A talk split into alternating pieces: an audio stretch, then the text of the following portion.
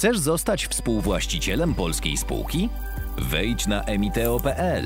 Tu zaczyna się Twoja przygoda z crowdfundingiem inwestycyjnym. Cześć! Witajcie w Zaprojektuj swoje życie. Tomek i Magda, a raczej Magda i Tomek z No Fluff Jobs opowiadają o tym, jak na pewnej wycieczce w górach padli na pomysł, jak zrewolucjonizować polski rynek pracy. I Holender robią to od 8 lat non-stop. Zmienili sposób rekrutacji w IT, budują niesamowicie ciekawy zespół oparty na wartościach, mają bardzo silnego inwestora. Mówią też o tym, jak pozyskać inwestora wcale jak nie potrzebujesz pieniędzy i jak pracować jako para we własnym biznesie. Zapraszam Was bardzo serdecznie. Zaprojektuj swoje życie. Zapraszam Was do mojej autorskiej audycji Zaprojektuj swoje życie. Przedstawiam osoby, które podjęły nietuzinkowe wyzwania życiowe i biznesowe. Rozmawiamy o tym, co nas napędza i dokąd zmierzamy. Historie opowiadane przez moich gości zainspirują Was do świadomego i odważnego projektowania swojego życia. Witajcie w kolejnym odcinku audycji Zaprojektuj swoje życie. Jak co tydzień, w czwartek o czwartej, zapraszamy dla Was nietuzinkowych gości. Zadajemy im trudne pytania, dowiadujemy się, co ich napędza. Dzisiaj siedzę zupełnie inaczej, bo nie mamy jednego gościa, ale gościa i gościnię. Jeżeli nie byliście jeszcze na zaprojektujswójbiznes.pl, zapraszam Was bardzo serdecznie. Super społeczność, super kursy, konferencja, warto to odwiedzić. A naszymi gośćmi jest nie kto inny, tylko No Fluff Jobs, Magda Gawłowska-Bujok i Tomek Bujok. Zrobiliście rewolucję e, w systemie zatrudniania osób z IT. Ja byłem w Radzie Nadzorczej Grupy Pracuj i obserwowałem wasz wzrost. Zu zupełnie zmieniliście ten rynek, prawda? Na to wygląda. Zgadza się, taka była idea. E, idea była taka, żeby wprowadzić dużą rewolucję, żeby tak naprawdę zrobić coś zupełnie innego. I mieliśmy ku temu e, możliwości. E, znaliśmy rynek z dwóch stron. Ja pracowałem jako programista, więc no, tak naprawdę wiedziałem, czego programiści, programistki poszukują w ogłoszeniach o pracę, czego im brakuje. We flafowych ogłoszeniach w stylu młoda, dynamiczna firma poszukuje ambitnego pracownika do międzynarodowego zespołu. To znaczy będziesz zasuwał bardzo dużo Tak, i nie, tak. nie za dużo ci zapłacimy, bo jesteś tak, młody, za, tak? za e, dobre wynagrodzenie, czy e, ja trochę zawsze to porównuję, mam taki sztampowy przykład, ale to tak jakbyś chciał kupić samochód i przejdziesz do salonu i ktoś mówi, e, dobrze jeździ, pojechałem, skręcił w lewo i dobrze pojechał, fajne wyposażenie, ładny kolor, e, dobra cena. Bierzesz czy nie bierzesz? No i tak, tak, tak, wyglądały, tak wyglądały te ogłoszenia. Z drugiej strony Magda pracowała w rekrutacji jako, jako rekruterka IT, więc znała ten rynek z drugiej strony, wiedziała o co pytają programiści, programistki, jakich informacji nie ma w ogłoszeniach, jak ważne jest pytanie o zarobki, jak ważne jest pytanie o technologię w projekcie, o wszystkie metodologie i tego typu rzeczy. No i widząc, co dzieje się na rynku IT już e, w roku 2014, no tak naprawdę, że był to rynek, e, rynek pracownika, e, gdzie no, bracowało, bra, brakowało pracowników i, i no, chcieliśmy zrobić coś, co wywróciłoby ten rynek do, do góry nogami, bo wiedzieliśmy, że to, co pro, proponują takie portale, o których wspomniałeś, jak, jak Pracuj.pl, no, nie jest adekwatne do tego, czego oczekuje społeczność. No i stwierdziliśmy, no cóż, spróbujmy, na pewno się nie uda, bo polski rynek nie będzie gotowy na publikację widełek płacowych. No bo warto jeszcze wspomnieć też, e, no jak wyglądały rekrutacje, zresztą też w niektórych branżach e, e, tak ciągle się dzieje. No, podstawowe pytanie na piątym etapie rekrutacji, ile chciałby pan, pani zarabiać. No i firma ma budżet X, ty nie mając w ogóle świadomości tego, ile potencjalnie mógłbyś zarabiać, mówisz Y, Y jest dwa razy mniejsze niż X, dostajesz taką kwotę i zaczynasz pracować. No a w świecie IT, no za tydzień, dwa miesiąc idziesz na piwo z swoim zespołem. Dowiadujesz się. Dowiadujesz się, że ktoś zarabia dwa razy Y, no i e, jak się wtedy czujesz? No, e, jak się wtedy czujesz? Dlatego stwierdziliśmy, no, to doświadczenie w Szwajcarii też bardzo, bo mieszkaliśmy wiele lat w Szwajcarii, tam zobaczyliśmy, jak funkcjonuje transparentność, niekoniecznie na, na jobboardach, czyli nie w takich produktach, e, jaki my stworzyliśmy, bo ten produkt tak naprawdę był unikalny, to był, to był nasz pomysł i e, nie skopiowany, nie, nie, nie, nie zainspirowany żadnym innym rozwiązaniem, tylko tak naprawdę e, narysowany i stworzony przez nas. Załapało, oczywiście e, na początku tak naprawdę no e, naszą reklamą była społeczność IT. Oni przychodzili do działów HR i mówili, słuchajcie, jeżeli chcecie szukać specjalistów IT tylko na No Fluff Jobs, więc przez pierwszy rok czy półtora nie mieliśmy zespołu sales, nie mieliśmy zespołu marketingu. Robiliśmy to sami i tak jakby taki marketing szeptany zafunkcjonował, co pokazywało jak mocny był e, product market fit. Z drugiej strony oczywiście e, no mieliśmy bardzo dużo propozycji od wielkich firm już na starcie. Słuchajcie, świetny produkt, świetnie to wygląda, rozumiemy co chcecie zrobić. Chcecie e, pokazać więcej społeczności to, to jest e, rewelacyjne. Natomiast te, te widełki płacowe. Kupimy od Was wiele ogłoszeń, pakiety na setki ogłoszeń, natomiast no, dla nas musicie zdjąć ten wymóg. A my stwierdziliśmy, nie, nigdy tego nie zrobimy. To jest kluczowe. I to ciągle jest wymogiem? To ciągle jest wymogiem i nie znamy innego takiego jobboardu, który wymagałby tego w 100%. Tak jakby u nas w Polsce i tak naprawdę na świecie być może są jakieś już e, Mhm. klony, kopie, ale takiego jakiegoś fundamentalnie e, do, dobrze funkcjonującego. To powiedziałeś, skąd się wziął pomysł, ale ten pomysł wziął się w pewnym momencie, bo byliście parą i mieliście rynek pracy IT z 360 stopni Dokładnie. przejrzany. Ale skąd się wzięliście w tym miejscu? Jak wyglądało wasze projektowanie życia, żeby wylądować w Szwajcarii i skąd pomysł, żeby zostawić Szwajcarię, bo kupa ludzi przecież kupuje bilet w jedną stronę, prawda? A wy wróciliście. Znaczy myśmy od razu wiedzieli, że Szwajcaria to jest przygoda na parę lat. Właściwie od momentu, kiedy się poznaliśmy, mieliśmy to wspólne marzenie, że chcemy wyjechać z Polski. I spróbować czegoś międzynarodowego. Dokładnie tak. E, Nie mieliśmy nawet wizji, jaki to będzie kraj. Zadecydował troszkę przypadek, ponieważ mieszkaliśmy przez 6 lat w Warszawie i tak się złożyło, że wynajmowaliśmy mieszkanie od osoby, która właśnie wyjechała do Szwajcarii jako programista z rodziną i bardzo polecała. Mówiła, że świetny kraj właśnie dla osób, które kochają góry, naturę, ale też właśnie no, bardzo rozwinięty rynek pracownika, świetne warunki pracy, więc no to było dla nas takie zachęcenie. E, No i faktycznie w 2010 roku e, gdzieś tam postanowiliśmy to marzenie zrealizować. To było krótko po tym, jak ja skończyłam studia. Tomek już e, pracował rok w banku, więc już tam pierwsze szlify informatyczne zdobył, wysłał CV i faktycznie w przeciągu dwóch tygodni dostał ofertę pracy z. Zurichu i z Berna. Tak, Właściwie dwie oferty dostałem, tak. tak. Wow. Mhm. Także zadziało się to bardzo szybko. Ja miałam takie drugie marzenie, bardzo chciałam zrobić doktorat e, i też udało mi się no, z pomocą świetnych dziewczyn z PANU, bo e, po studiach ja studiowałam lingwistykę stosowaną na Uniwersytecie Warszawskim, ale na piątym roku zaczęłam sobie robić podyplomówkę na PANie z Gender Studies, a tam właśnie poznałam świetne dziewczyny, w ogóle no, niesamowicie poczułam, że to jest coś, czym chcę się zajmować też naukowo. I z ich pomocą udało mi się napisać expose, które no, zostałam po prostu zaakceptowana na Program Uniwersytecie doktorancki? we Fryburgu, tak, e, i rozpoczęłam doktorat. Także przygoda zaczęła się właśnie w ten sposób, że wiedzieliśmy, że nie chcemy jechać, nie mając pracy, tam szukać pracy. Udało się bardzo szybko tę pracę znaleźć, przeprowadziliśmy się. No, myślę, że tą przygodę ze Szwajcarią można podsumować właściwie w samych superlatywach. Tak naprawdę no, wspaniały czas w naszym życiu, też my jesteśmy zapaleńcami sportowymi, więc właściwie każdy weekend góry, narty zimą. E, Poznaliśmy naprawdę fenomenalnych ludzi, e, międzynarodowe Gdzie towarzystwo. w Bernie. E, W ogóle Berno też y, to taka ciekawostka turystyczna. Berno jest stolicą Szwajcarii, Mhm. natomiast to jest malutkie miasteczko. Myśmy mieszkali właściwie w samym centrum. Mieliśmy dokładnie 100 metrów do rzeki Ary. Schodziliśmy sobie, tam się pasły owieczki. W lato, właściwie w całym sezonie od końca czerwca do końca sierpnia w tej rzece się pływało. To jest w ogóle część kultury berneńskiej. E, ma się takie specjalne wodoodporne plecaczki. Do nich się wrzuca nawet rzeczy po pracy. E, woreczki się za sobą zabiera. Wędruje się w górę rzeki i Spływa wraz z, z prądem rzeki się płynie, rzeka fenomenalny turkusowy kolor, orzeźwiająca, coś niesamowitego. Mhm. Także no Berno to jest maleńkie miasteczko, knajpki o godzinie 10 zamykane, także takie coś no, zupełnie innego niż to, do czego byliśmy w Warszawie przyzwyczajeni. Natomiast tutaj do brzegu, bo się rozgadałam o różnych tematach, na którejś właśnie z tych naszych górskich wędrówek Tomek generalnie średnio co tydzień, dwa miał jakiś pomysł startupu. On od zawsze ciebie, wiedział... ciebie, ciebie przedsiębiorczość męczyła, tak? E, Tak, tak, tak. Zdecydowanie to jest gdzieś tam w genach e, u niego. A ty też- masz rodzinę przedsiębiorczą? E, Mam rodzinę przedsiębiorczą, tak, właśnie to myślę, że to też jest e, e, ciekawe, co się wydarzyło w mojej młodości. Mój tata jest genialnym konstruktorem, tam doktorat, skończył studia doktoranckie z elektroniki i on, on od, od, od, od początku stworzył swoją firmę, jak tylko po- w latach 90. można było to zrobić i zaczął konstruować różnego typu urządzenia i ja mogłem obserwować rozwój tej firmy Od początku. od młodości.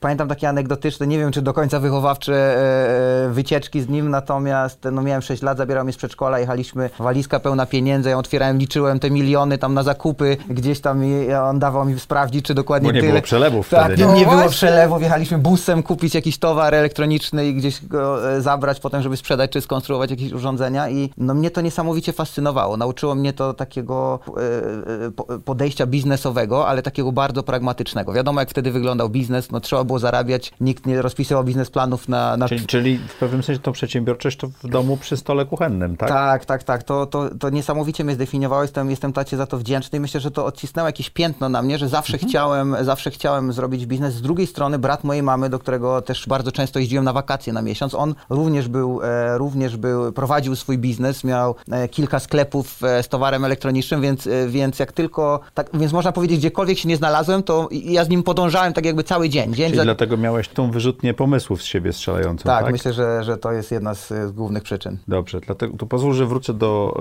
e, Magdy, bo Magda miała tą, tą historię, którą ją przerwaliśmy o chodzeniu po górach. Zapraszam Cię na comiesięczne spotkania, gdzie w grupie maksymalnie 10 osób wspólnie mierzymy się z wyzwaniami, które pojawiają się na drodze przedsiębiorcy. Każda sesja to 2,5 godziny, podczas których dzielimy się naszymi spostrzeżeniami odnośnie minionego miesiąca, wybieramy dwa tematy do szczegółowej prezentacji, dzielenia się doświadczeniami i szukania rozwiązań. Niesamowite miejsce dla niesamowitych ludzi. Zapraszam Cię bardzo serdecznie. Dokładnie. To który to był pomysł? E, To był pomysł numer 100, być 100 może. plus, tak? 100 plus gdzieś tak. Natomiast te poprzednie, ja muszę przyznać, i ja w sobie zawsze miałam taki mocny opór przed zakładaniem działalności. Zdecydowanie dla mnie praca na etacie, poczucie bezpieczeństwa, stabilizacji. No oczywiście wiedziałam, ja e, gdzieś tam akceptowałam to marzenie Tomka, natomiast no przypuszczałam, że on by tak, jego marzenie będzie je sobie gdzieś tam e, w swoim zakresie realizował. No i ale taką zasadę ma, że zawsze ze mną weryfikuje wszystkie te pomysły, co Mhm. jest super, ja też chętnie doradzam. No i zawsze gdzieś tam, no nie, i ja zawsze jestem też takim adwokatem diabła, co może pójść nie tak, coś takiego już istnieje, więc zawsze tak jakby zadawałam takie pytania, które gdzieś tam podkopywały sensowność tego pomysłu. Natomiast właśnie na tej wędrówce, na której e, wymyśliliśmy No Fluffa, który oczywiście wtedy nawet nie miał tej nazwy, bo Mhm. proces wybierania nazwy to była inna długa historia. Generalnie Tomek właściwie na co dzień dostawał oferty pracy e, z przeróżnych Mhm. Z Polski, zakątków świata, z, właściwie z, całego Polski, świata. z Tak, całego całego świata. Natomiast ja jako rekruterka IT widziałam, jak trudno jest mi ściągnąć programistów do Szwajcarii. Akurat firma, dla której rekrutowałam, miała ten wymóg, że chciała ludzi ściągnąć wraz z rodzinami. Myśmy mieli bardzo atrakcyjne bonusy. Um, natomiast no, widziałam, jakie są rozmowy. Ludzie sobie przeliczali i nawet Szwajcaria, która no, naprawdę e, oferuje bardzo dobre zarobki, nie była w stanie e, no, gdzieś tam sprostać tym wymaganiom programistów. No, ale więc... Szwajcaria również ma wysoki koszt życia, prawda? Zdecydowanie. Właśnie to, jest, to tutaj się o to rozbijało, kandydaci, kandydatki sobie przeliczali i e, tak naprawdę no, było to dużym wyzwaniem, żeby kogoś ściągnąć i e, właśnie na tej wędrówce zaczęliśmy o tym rozmawiać. I Tomek właśnie mówi, kurczę, a gdyby tak zrobić e, portal, taki zupełnie inny niż wszystkie, który właśnie wyjdzie naprzeciw potrzebom tej grupy, która przecież to oni i one dyktują warunki, to pracodawcy i pracodawczynie muszą się do nich dostosować, to dlaczego nie stworzyć, dlaczego właśnie wszystkie portale są ogólne, wszystkie ogłoszenia są flafowe, opisowe, no właśnie ta młoda, dynamiczna firma, o której mówił Tomek. I to był taki klik w mojej głowie, to jest to, to może się udać, to jest świetny pomysł, bo faktycznie jest potrzeba, To kto go pociągnął z waszej dwójki? no to jest już y, zdecydowanie też bardziej rozbudowana historia. Mhm. Nie mieliśmy nawet jeszcze wtedy jakiejś takiej wizji, żeby to ciągnąć. Tak się złożyło w naszym prywatnym życiu, że e, tak naprawdę ja, tak jak Ci opowiadałam, zaczęłam doktorat, natomiast Mhm. po półtora roku tego doktoratu wiedziałam, że nie będę go kończyć, że to nie jest coś dla mnie. Zaczęłam szukać pracy w Szwajcarii. Było to bardzo dużym wyzwaniem i tak naprawdę pracę udało mi się znaleźć troszkę przypadkiem. E, Po prostu e, Tomek pracował w takiej małej berneńskiej firmie e, w software house, która po prostu prowadziła body leasing i ona go wysyłała do klientów. I kiedyś w grudniu odbywała się impreza firmowa z żonami, z dzieciaczkami. My wtedy dzieci nie mieliśmy. Ja na tej imprezie się pojawiłam i akurat tak się złożyło, że bardzo długą rozmowę stoczyłam z jego szefem po niemiecku. I on po tej imprezie powiedział, że nigdy nie słyszał, żeby osoba, która nie jest natywna z niemieckiego, na takim poziomie opanowała język. I potem, jak e, ja podjęłam decyzję o, o końcu doktoratu i zaczęłam szukać pracy, Tomek gdzieś w luźnej rozmowie w kuchni poruszył ten temat, że ja szukam pracy. I szef zaproponował, czy Magda nie chciałaby się tak naprawdę nauczyć zawodu rekruterki IT, bo ja pamiętam, na jakim poziomie ma niemiecki, po angielsku też mówię, no bo, Bo ty nie wiadomo. rekrutowałaś przed tym jeszcze. Nie, w ogóle ogóle. Miałam zerowe doświadczenie, oni stwierdzili, że zainwestują w moje szkolenia, okażą mi wszelką możliwą pomoc, no i po prostu chcą mi dać tą szansę.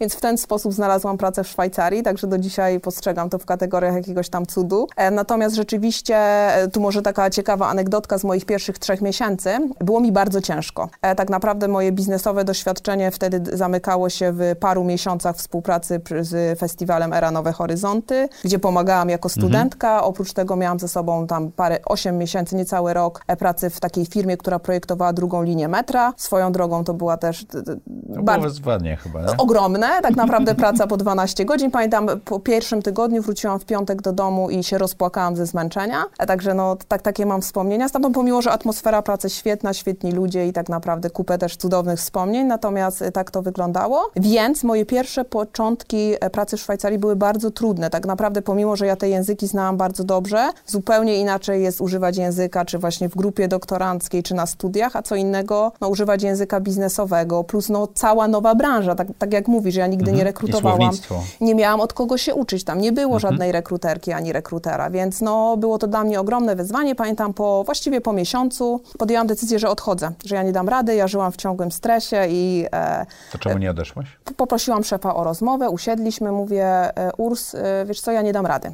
Tak naprawdę mnie to przerasta, to jest zbyt, dla mnie zbyt duży stres. On mi przerwał, mówi, Magda, zaczekaj, czy ty zakończyłaś już swój okres próbny? Mówię, no nie. Mówi, to ja w ogóle nie chcę z tobą rozmawiać. Po co jest okres próbny? Po to, żebyś dała sobie szansę, wdrożyła się, uwierzyła w siebie. Bardzo dobrze, że rozmawiamy, bo wiem, że musimy ci okazywać więcej pomocy. Natomiast ja w ogóle nie chcę... Taka rozmowa zupełnie z innego rynku pracy, Zupełnie prawda? z innego świata. To było dla mnie takie zderzenie z no, tak, tak, taką ym, wyrozumiałością, ciepłem, takim y, nakierunkowaniem na człowieka, że do dzisiaj właśnie w NoFluffie mamy zasadę, że onboarding jest tak naprawdę czasem, żeby ludzi wdrożyć. My ludzi wtedy nie oceniamy. To jest czas, żeby oni ocenili, czy tak naprawdę Czy pasują? czy pasują, czy chcą z nami być. My tak jakby dajemy im ogromny kredyt zaufania. Chcemy, co też y, tak jakby jest podzwonnym tego mojego doświadczenia, chcemy, żeby ten nasz onboarding był świetnie przygotowany, żeby ludzie mogli o wszystko pytać, żeby był ustrukturyzowany. Natomiast zawsze to podkreślamy, dajcie sobie czas, bądźcie w stosunku do siebie wyrozumiali, bo my jako firma jesteśmy. I to jest coś,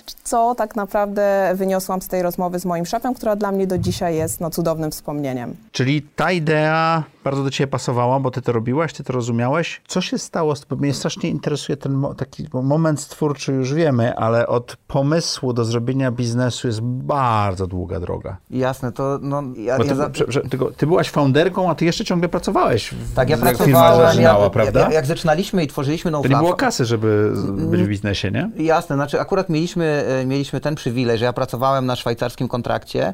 Ostatni rok i latałem do Szwajcarii, bo e, stwierdziliśmy, znaczy jeszcze może dopowiem tutaj, dlaczego wróciliśmy do Polski. W Szwajcarii było nam świetnie, bardzo nam się podobało, chociaż mieliśmy taki plan, e, no, że wrócimy do Polski po iluś tam latach, nauczymy się, zdobędziemy doświadczenie biznesowe w międzynarodowym środowisku i tak naprawdę ono w pewien sposób nas zdefiniowało jako, jako, jako osoby w biznesie. To międzynarodowość, tak? Tak, ta międzynarodowość, ten styk z, z, z inną kulturą, która jednak no, jest troszeczkę dalej, jeśli chodzi o, o, o, o pewne aspekty rynku pracy. No i e, była taka sytuacja, że zaangażowaliśmy się w projekt charytatywny w Ugandzie.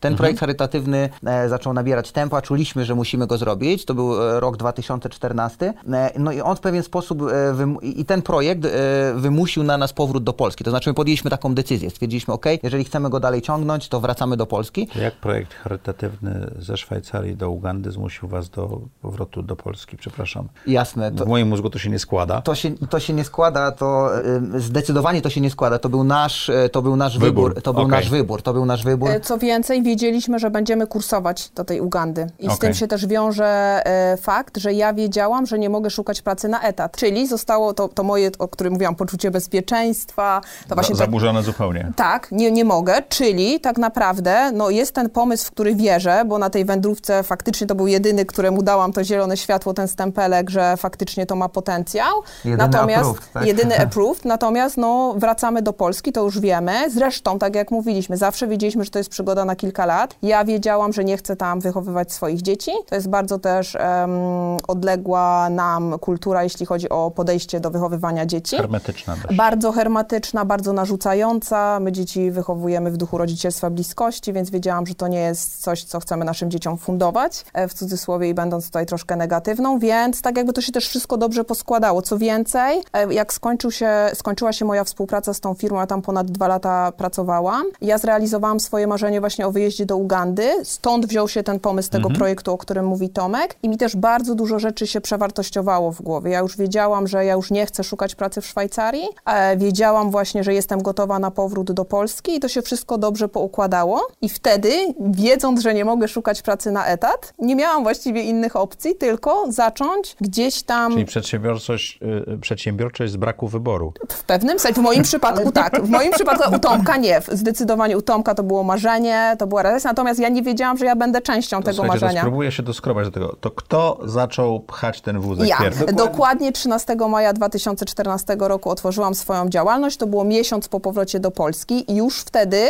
No Fluff był w fazie takiej, że mieliśmy nazwę. Mieliśmy ją skonsultowaną z naszym przyjacielem Brytyjczykiem właśnie z tej firmy, w której pracowaliśmy razem. Bardzo długie dyskusje, czy Fluff Mhm. Domenę nie będzie... mieliście? E, Mieliśmy tak, mieliśmy domenę, tak. domenę. Ale strona jeszcze nie stała. nie, ale najważniejsza rzecz, i o tym muszę powiedzieć, mieliśmy karteczkę papieru, na której po tej wędrówce, z której przyszliśmy, usiedliśmy wspólnie i ołówkiem przy kuchennym stole w Bernie rozpisaliśmy, e, co chcemy w tym ogłoszeniu mieć, co tam powinno być. Akurat tak się złożyło, że Czyli po... patrząc, to, to, to 360 wasze, czyli ty mogłeś patrzeć, co e, warto dać i pracodawca, a ty wiedziałeś, co e, Tak.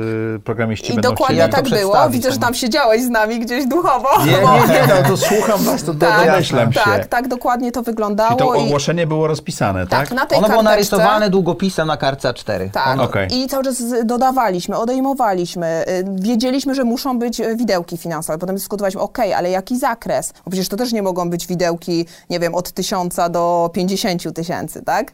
Więc bardzo długo o tym dysk- dyskutowaliśmy. Tak się złożyło, że tego wieczoru wpadł do nas kolega Tomka, informatyk, Polak, z którym się przyjaźniliśmy. Mówimy, chodź, chodź Michał, pokażemy ci tutaj e, n- n- pomysł nasz taki crazy. On popatrzył, mówi, wow, super pomysł. Więc w ogóle pierwsze takie review, które otrzymaliśmy było, było Pozytywne. mega pozytywne i on zresztą też zaczął dodawać jakieś tam sugestie. Potem to też był czas, kiedy Tomek bardzo się udzielał w e, grupach javowych i też e, jeździł po całym świecie na konferencje IT jako mówca, więc miał taki bardzo duży network e, swoich tam znajomych, ale takich nawet bardziej niż biznesowych znajomych, takich kumpli, kumpli od Jak ja to nazywałam. Więc oni byli takimi naszymi pierwszymi e, reviewerami tak naprawdę tego pomysłu i właściwie z wszystkich stron przychodził feedback, słuchajcie, róbcie to, bo to jest coś, co ma potencjał, to jest coś, czego rynek potrzebuje, a dla mnie najważniejsza rzecz, to jest coś, czego po prostu ludzie potrzebują. A skąd wzięliście pieniądze na początek biznesu? No właśnie tutaj wracamy do tej historii. Ja pracowałem jako kontraktor e, e, dla firmy szwajcarskiej, no to były bardzo, bardzo wysokie stawki. Udało mi się jeszcze przeciągnąć ten kontrakt o rok, gdzie mieszkałem już w Polsce i tylko latałem co tydzień, co dwa tygodnie. Też chciałeś skończyć. Tak, chciałem go skończyć, znaczy robiłem to też z Solidarności, bo e, no Czy nagle... był jakiś projekt do skończenia, Tak, tak? były dwa lata, zapisałem się, e, powiedzmy, zaakceptowałem kontrakt na dwa lata, po roku powiedziałem, słuchajcie, no wracam do Polski, no ale chcę dokończyć ten projekt, więc, więc e, oni umożliwili mi taką pracę, powiedzmy, w modelu hybrydowym.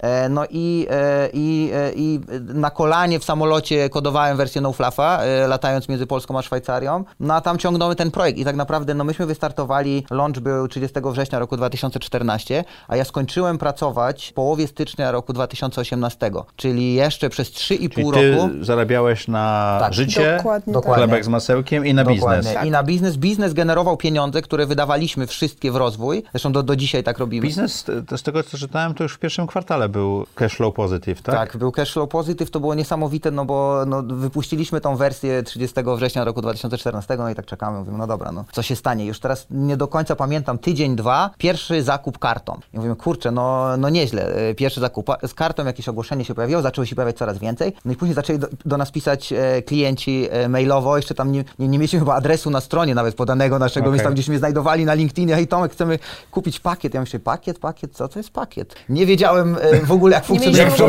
Tak, Nie mieliśmy no. cennika, nie mieliśmy w ogóle... Byście tej- mieli tylko jedno ogłoszenie Jedno do ogłoszenie, ale nie mieliśmy takiego tak. centra, e, e, e, cennika bundli, e, więc to, uczyliśmy się jak funkcjonują jobboardy. Czyli, przepraszam, wyszliście z... Wasz model biznesowy polegał na tym, że mieliście ogłoszenie. Dokładnie. I Dokładnie. Za 100 Transparentne. dolarów. Tak. Transparentne. I rozumiałeś, jak napisać dobrze stronę, żeby działała. Dokładnie. I miałem dużo... I to wszystko. I to wszystko. I od klientów nauczyłeś się, czego oni potrzebują, typu bandę, tak? Dokładnie. Nie wiedzieliśmy, jak funkcjonuje biznes e, jobboardowy, tak? No bo, czy marketplace'owy taki, no bo nie... nie to jest marketplace, Tak, tak? dokładnie.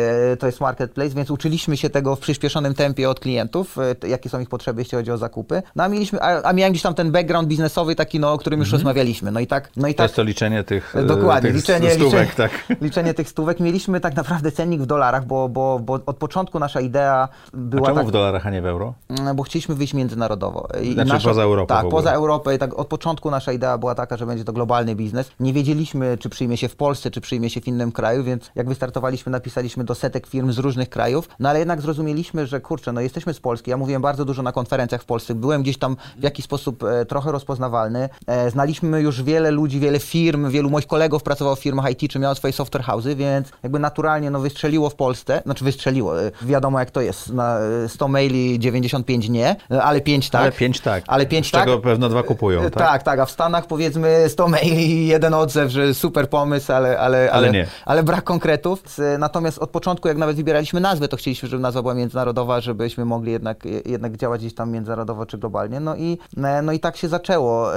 Ja myślę, że warto zaznaczyć, że tak naprawdę em, od początku naszymi marketingowcami byli programiści i programistki. To było fenomenalne. To jak to zadziałało? Po prostu produkt zadziałał. To był produkt, który perfekcyjnie adresował ich potrzeby. Czyli ktokolwiek, jakikolwiek pracodawca zrobił ogłoszenie, to miał bardzo szybko e, kandydatów, bo to, To działało. nawet działało w ten, w ten sposób, że pisała do mnie pani z HR-u i mówiła: e, Cześć, słuchaj, czy możesz przygotować e, dla mnie ofertę na pakiet, ponieważ przyszli do mnie programiści i powiedzieli, że jeżeli chcę publikować jakieś ogłos- ogłoszenia, to tylko na NoFluffie. A w ten bo sposób. tylko wtedy znajdziesz Dokładnie. jakichkolwiek programistów. Okej. I to się nagminnie powtarzało. Tak naprawdę Czyli zadział programiści z firm, e, w których działy HR szukały, Dokładnie tak. mówili, tak. że to jest miejsce, gdzie je znaleźć, Dokładnie tak? tak. I to się działo właściwie od drugiego miesiąca. E, Tutaj też e, ja tak naprawdę zajmowałam się tym full time. Ja robiłam wszystko. Ja konsultowałam z graficzką pierwszą wersję strony. Ja wysyłałam właśnie te setki maili, o których Tomek mówi. Czyli miałeś tą stabilną pracę. Zdecydowanie Tak, tak, tak. siedziałaś w coworku, Siedziałam w w coworku, w ogóle ze tak, było świetnymi super. ludźmi, Okej. e, wymiana wiedzy, wsparcie, to było też takie fenomenalne. A w Pamiętam, coworku byłaś? e, W, w, w Oliwia, e, w Business Center. Okej, w tak, Gdańsku. W Gdańsku, tak. tak, tak, Już nawet nie pamiętam nazwy. Business Link. Business Link, o, dokładnie, już Okej. teraz chyba go nie ma, natomiast tam właśnie, to było dla mnie też niesamowicie ważne, bo my, jak przyprowadziliśmy się do Trójmiasta, nie znaliśmy tam nikogo.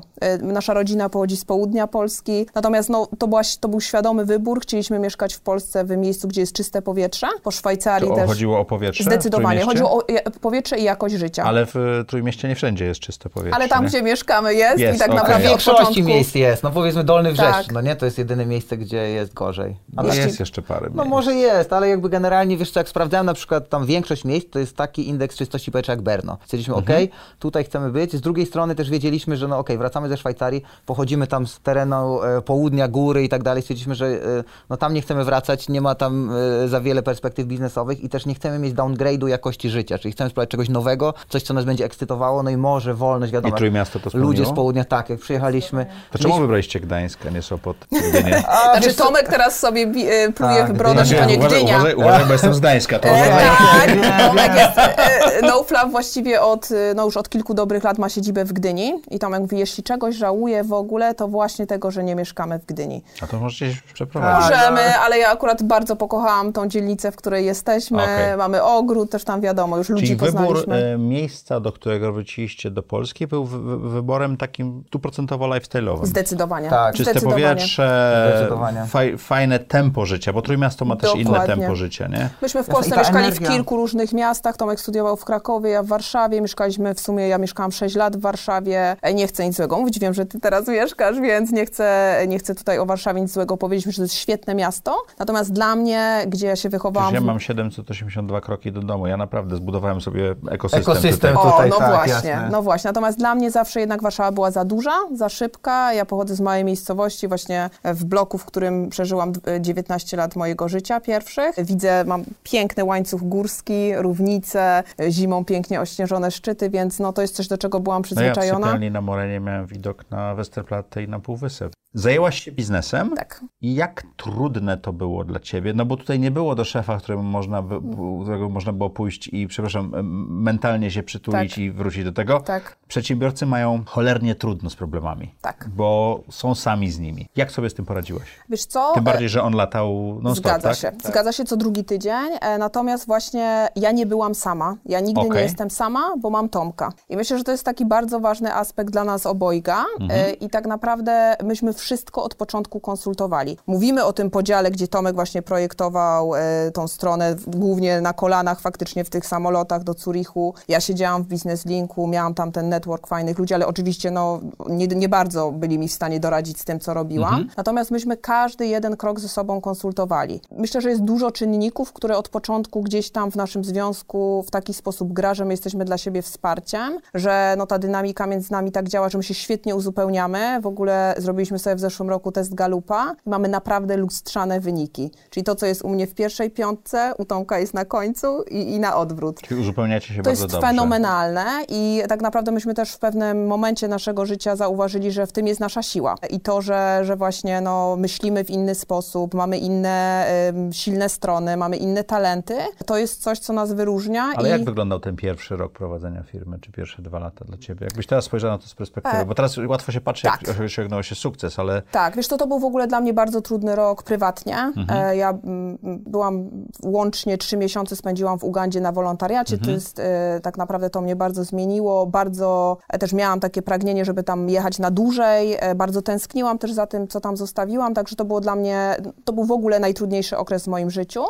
Natomiast właśnie ta praca, to rozwijanie czegoś, to, że właściwie od razu widzieliśmy, że to jest sukces, widzieliśmy, że to zmienia życie ludzi, że to jest produkt, który faktycznie e, ma misję i na przykład ja jestem taką osobą, ja nie mogłabym pracować w firmie, czy tym bardziej mieć firmę, która nie zmienia życia ludzi na lepsze. Tak jakby ja muszę wiedzieć, że wszystko, co robię ma sens, a sens widzę w zmianie rzeczywistości, w której jestem na lepszą. Tak naprawdę to dodawało mi skrzydeł w tych pierwszych miesiącach e, i do dzisiaj tak naprawdę to jest coś, w czym ja widzę głęboki sens i niesamowite historie, na przykład e, w zeszłym roku tankowaliśmy samochód, e, braliśmy fakturę na No Fluff Jobs, facet wpisał w komputer, mówi No Fluff Jobs, wy pracujecie w No Fluff Jobs, to jest niesamowite, ja właśnie cały czas odwiedzam waszą stronę i w ogóle zamie- zamierzam się przebranżowić i dzięki wam, dzięki temu, że zdradzacie widełki, ja wiem, że warto. I to są takie historie dla mnie, które no faktycznie nadają sens temu, co robię od samego początku. No i też właśnie w tych pierwszych latach było to, no na pewno niesamowitym wsparciem był ten cowork, tak jakby myśmy wspólnie omawiali nasze wyzwania.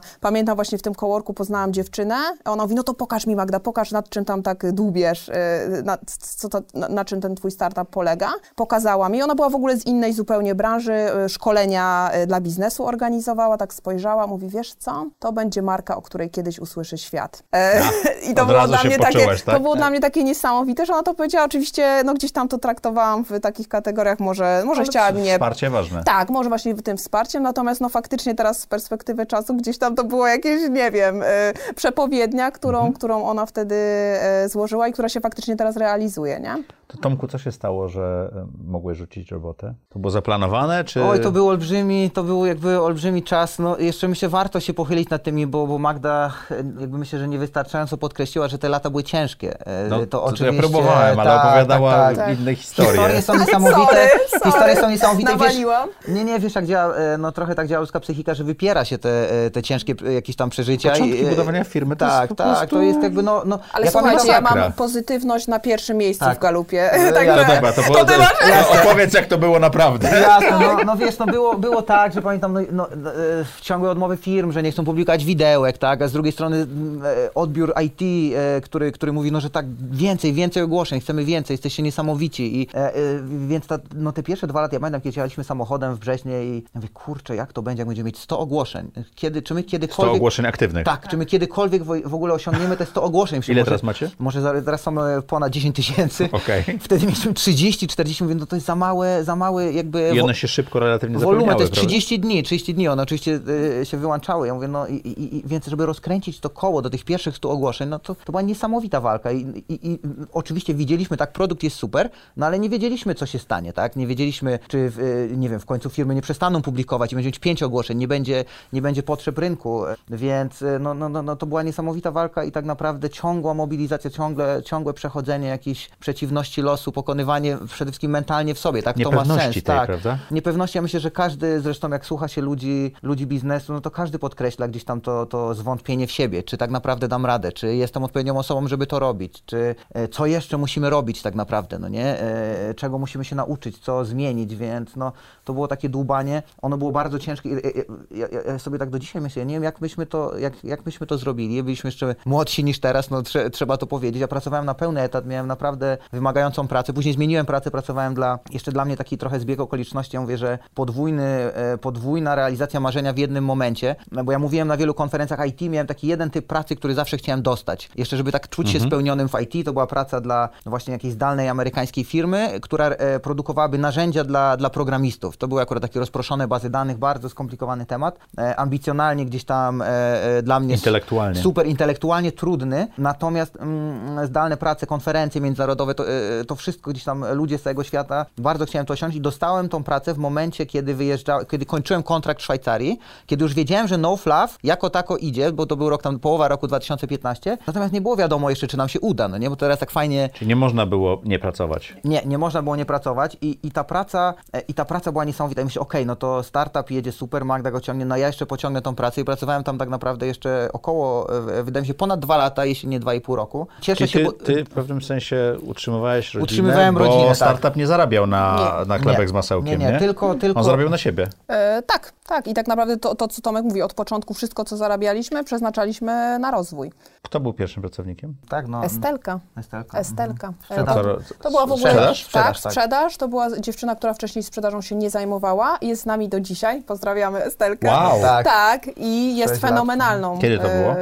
e, Po To, roku? były, to był po, gdzieś tam po około roku, no bo wy- wyobraź sobie jeszcze, że my przez pierwszy rok obsługiwaliśmy inbound. Ja to właśnie dlatego pytam. I tak. jakby po roku i mówimy, no dobrze, kurczę, no rób, y, zatrudniają sales. Ja pamiętam te rozmowy, spacery nad morzem, no kiedy jest ten etap, żeby zatrudnić salesów, czy już mamy wystarczającego re revenue, czy nie, no ale będą na zarabiać, więc będzie revenue rosło. No i mówimy, dobra, po roku już stwierdziliśmy, no, no, no trzeba e, i zatrudniliśmy właśnie dwie, trzy osoby do sales, e, no i wtedy tak naprawdę zaczęliśmy, e, przychody zaczęły rosnąć, oczywiście bardziej, bardziej stromo. Co więcej, też w, to był styczeń 2016 roku, zatrudniliśmy pierwszą taką doświadczoną osobę do sprzedaży i tak naprawdę wtedy to już po raz pierwszy w naszej firmie już była taka osoba, która tak jakby nie było wszystko na naszych barkach, tak? To była osoba, która przyszła, powiedziała, ok, będziemy mieć plany sprzedażowe, będziemy mieli targety i tak naprawdę wtedy to zaczęło już tam jechać w taki bardziej e, biznesowy i profesjonalny sposób. Tak jakby my wiedzieliśmy, że jesteśmy dobrzy w IT, że ten produkt jest dobry od strony IT, Tomek, y, no... Ale nie w procesach sprzedażowych i tak dalej. Zdecydowanie nie byliśmy marketingowcami, a oczywiście coś tam liznęłam w mojej pracy w Szwajcarii, Mhm. jeśli chodzi o marketing, natomiast to nie była nasza silna strona.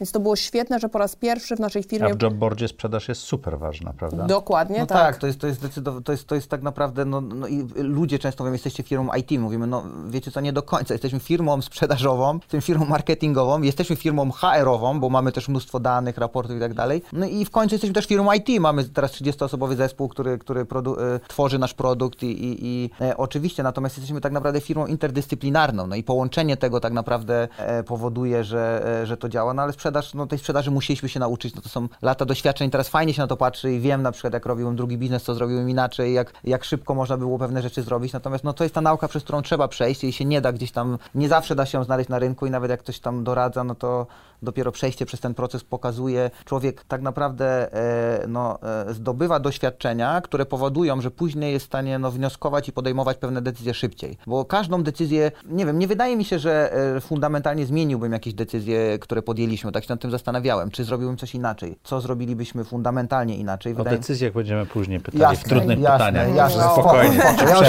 ja już się. Słuchajcie, no widzę, bo musiałeś się przygotować, coś czuję. Nie, nie. Skąd pomysł na inwestora?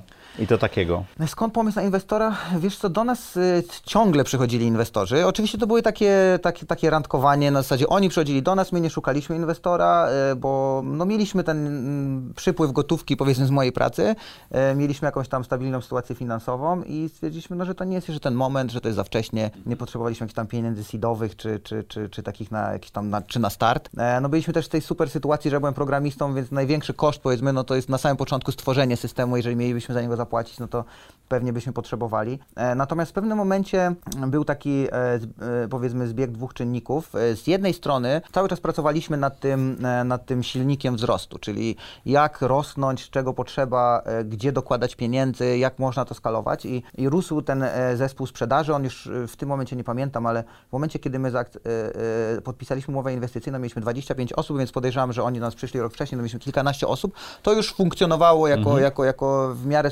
zorganizowana firma, e, gdzie te procesy działały. No i tak naprawdę zobaczyliśmy, no, że e, to się skaluje, tylko naszym limitem skalowania jest to, co zarobiliśmy w poprzednim kwartale. Czyli wy na marketing nie jesteście w stanie więcej wydać niż macie gotówki? Dokładnie, na marketing, a, na sales, na sprzedaż. A był y, Ringer Axel Springer, Ringer Axel Springer tak. był w stanie dać wam szeroki dostęp do marketingu, tak? Nie, nawet nie to. Po prostu potrzebowaliśmy pieniędzy. Na początek okay. potrzebowaliśmy pieniędzy, żeby... Jeżeli żeby szybciej toczyć jeżeli, to koło. Tak, żeby szybciej toczyć koło, żeby wkładać więcej e, niż zarabiamy w poprzednim kwartale, bo to jest trochę taki błędne, oczywiście tak byśmy się też rozwijali, tylko dużo wolniej, bo mhm. powiedzmy to, co staraliśmy się nie przeinwestowywać, oczywiście te kwoty zaczynały rosnąć i... E, tutaj gdzieś jest taka książka Blitzscaling właśnie, że te pieniądze są potrzebne, żeby rosnąć szybko, e, tak? Dokładnie, tak w pewnym momencie poczuliśmy, że i, i to było takie smart money, bo, bo e, no, kiedy brać inwestora, wtedy jeśli go nie potrzebujesz, mieliśmy fajne przychody, bardzo szybko rosło, praktycznie co roku tam od 2014 średnio patrząc rośliśmy prawie dwa razy do, do, do ostatniego roku, więc, więc, więc to się skalowało, no i stwierdziliśmy, no okej, okay, nie potrzebujemy pieniędzy, nie mamy dziury w budżecie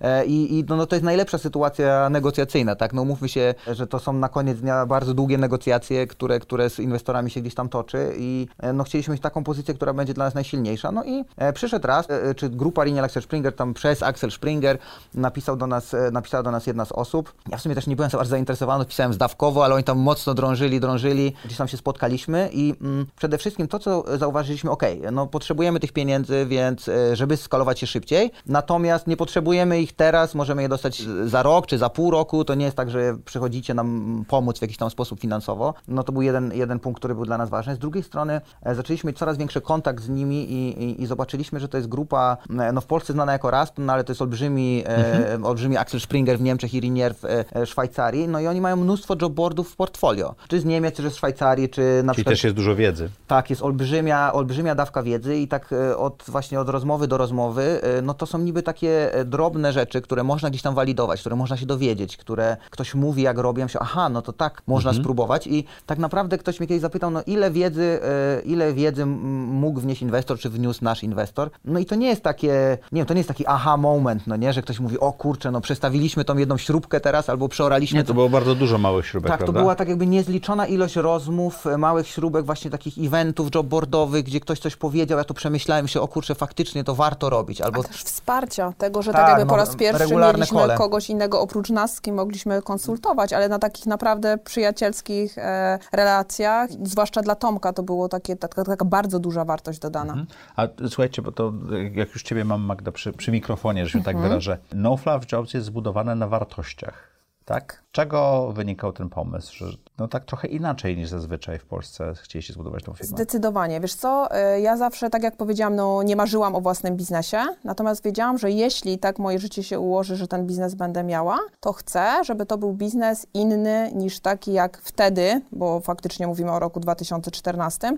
większość firm wyglądała. Mhm. Ja mam swoje wspomnienia z tej pierwszej pracy, e, gdzie które faktycznie... Były dobre. E, które właśnie nie były dobre. E, które z pierwszej tak, pracy w Polsce? Mówię o pierwszej okay. pracy w Polsce, tak, gdzie po prostu no, zdecydowanie nie było to, nie było to miejsce pracy, e, w którym, nie wiem, jakiekolwiek potrzeby e, osób tam pracujących były uwzględniane, ludzie, uwzględniane, ludzie pracowali ponad siły. E, no to, co mówiłam, wróciłam do domu i faktycznie płakałam ze zmęczenia. Też pamiętam właśnie taką rozmowę po dwóch miesiącach, bardzo ostrą rozmowę, ponieważ no, zupełnie inne odpowiedzialności były mi przedstawiane na rozmowie kwalifikacyjnej, a zupełnie inne potem zastałam w miejscu pracy i pamiętam, że bardzo ostro skonfrontowałam swoją przełożoną o to. To była bardzo nieprzyjemna rozmowa. E, pamiętam, że po niej płakałam i to są właśnie takie wspomnienia, które ja zachowałam. Potem właśnie te wspomnienia, o których mówiłam, tutaj tego szefa w Szwajcarii, tej empatii, tego zrozumienia, tak jakby widziałam, że może być zupełnie inaczej, więc wiedziałam, że jeżeli ten biznes będziemy mieli, chcemy go zupełnie inaczej prowadzić. To jak go prowadzicie?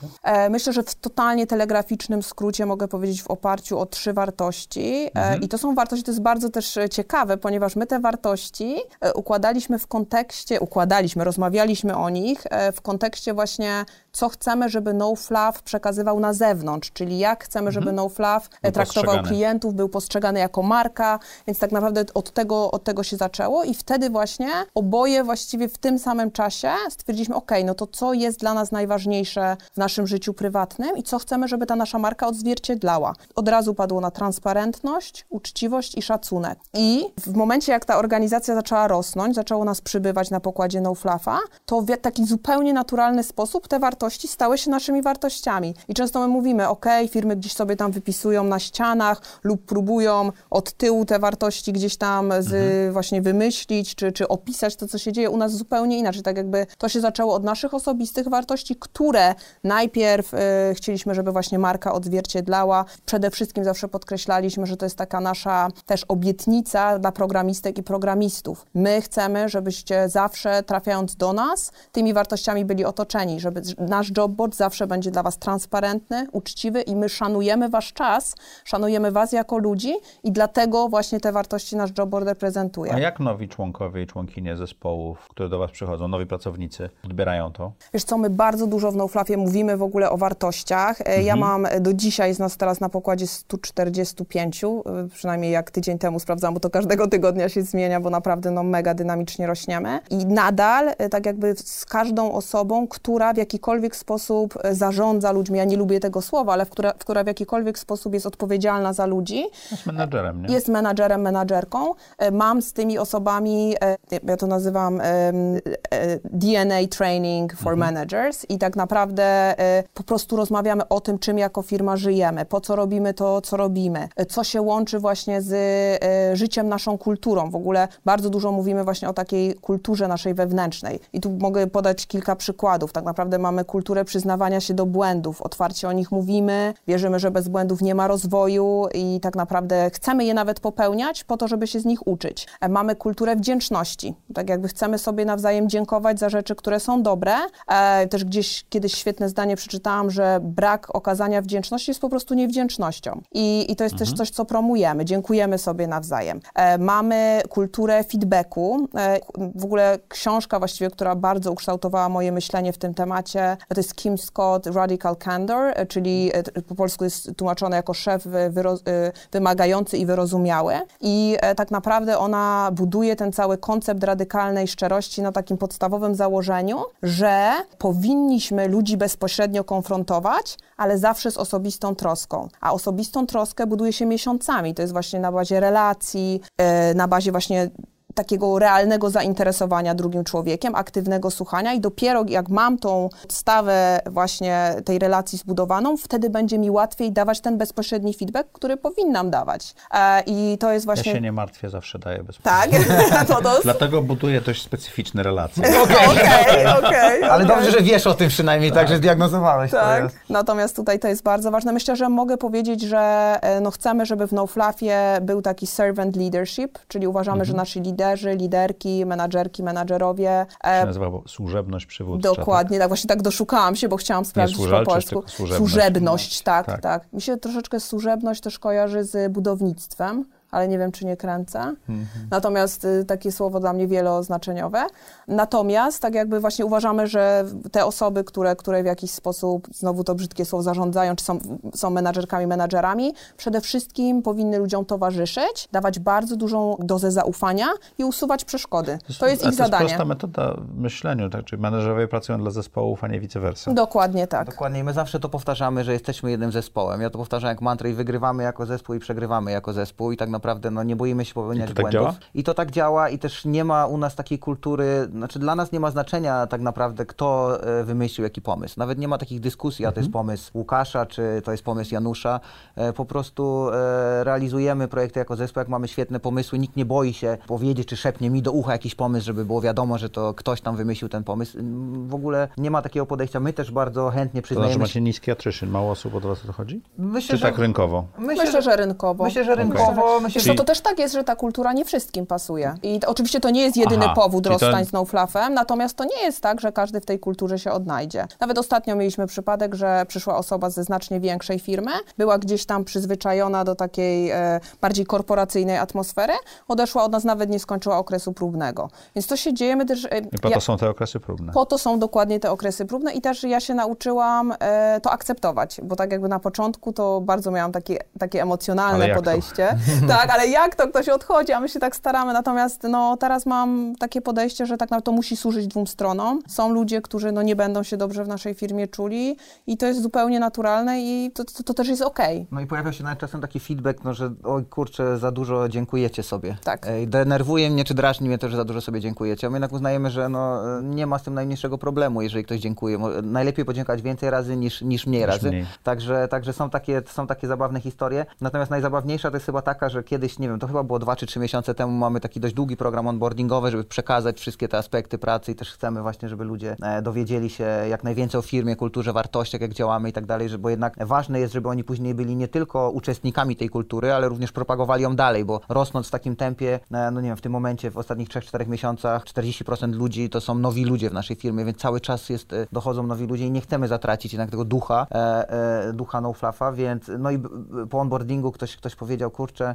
wydaje mi się, że to, to, to troszkę na tym onboardingu jest taka miła atmosfera, wszystko jest tak fajnie, ludzie są pomocni, to brzmi trochę jak ściema i czekam, kiedy opadnie kurtyna e, i kiedy zacznie się tak naprawdę normalne, brutalne życie i dopiero potem po, zrozumieli, że to się nie dzieje, że oczywiście wiadomo, no wchodzi rzeczywistość biznesowa, ale, ale zauważyli, że to się nie dzieje, no i to jest dla nas właśnie najważniejsze, taki feedback jest najważniejszy. A propos opadającej kurtyny. Wasz inwestor na początku wziął 40 kilka procent, czyli y, mniejszościowy udział. Jasne. Teraz niedawno zmieniło się to i to już jest chyba 70%, jeżeli dobrze 70%, Tak, zdecydowanie. E, Czy opadła kurtyna? Nie opadła kurtyna właśnie, nie, to to To są- powiesz, bo to jest zupełnie inna Tak, rozmowa tak, z tak. inwestorem, który jest właścicielem firmy, a Oczywiście. który jest tylko e, mniejszościowym właścicielem Oczywiście, no firmy. my bardzo długo się nad tym zastanawialiśmy, natomiast no mamy praktycznie, no znamy ich już od pięciu lat, bo wcześniej pra- praktycznie rozmawialiśmy e, przez, przez rok, e, zanim podpisaliśmy tą umowę inwestycyjną z różną tam dozą intensywności. No niesamowicie nam się współpracowało, bardzo pasuje mi ta kultura biznesowa i my zresztą reprezentujemy bardzo podobną, bo jak gdzieś nawet czytałem czy słyszałem o tym, no, że mm, w Polsce e, zdobywa się zaufanie, czyli ktoś przychodzi, przychodzi nowy menadżer, przychodzi nowa osoba i musi zdobyć zaufanie zespołu. E, W Szwajcarii, w Austrii, w Niemczech jest troszeczkę inaczej. Ktoś przychodzi, jest obdarzany zaufaniem i może je stracić co najwyżej. No my działamy w podobny sposób i tak samo jeżeli ktoś przychodzi do nas do firmy, to też obdarzamy go zaufaniem, zaakceptowaliśmy go, przeszła proces rekrutacyjny, e, jak najbardziej pokaż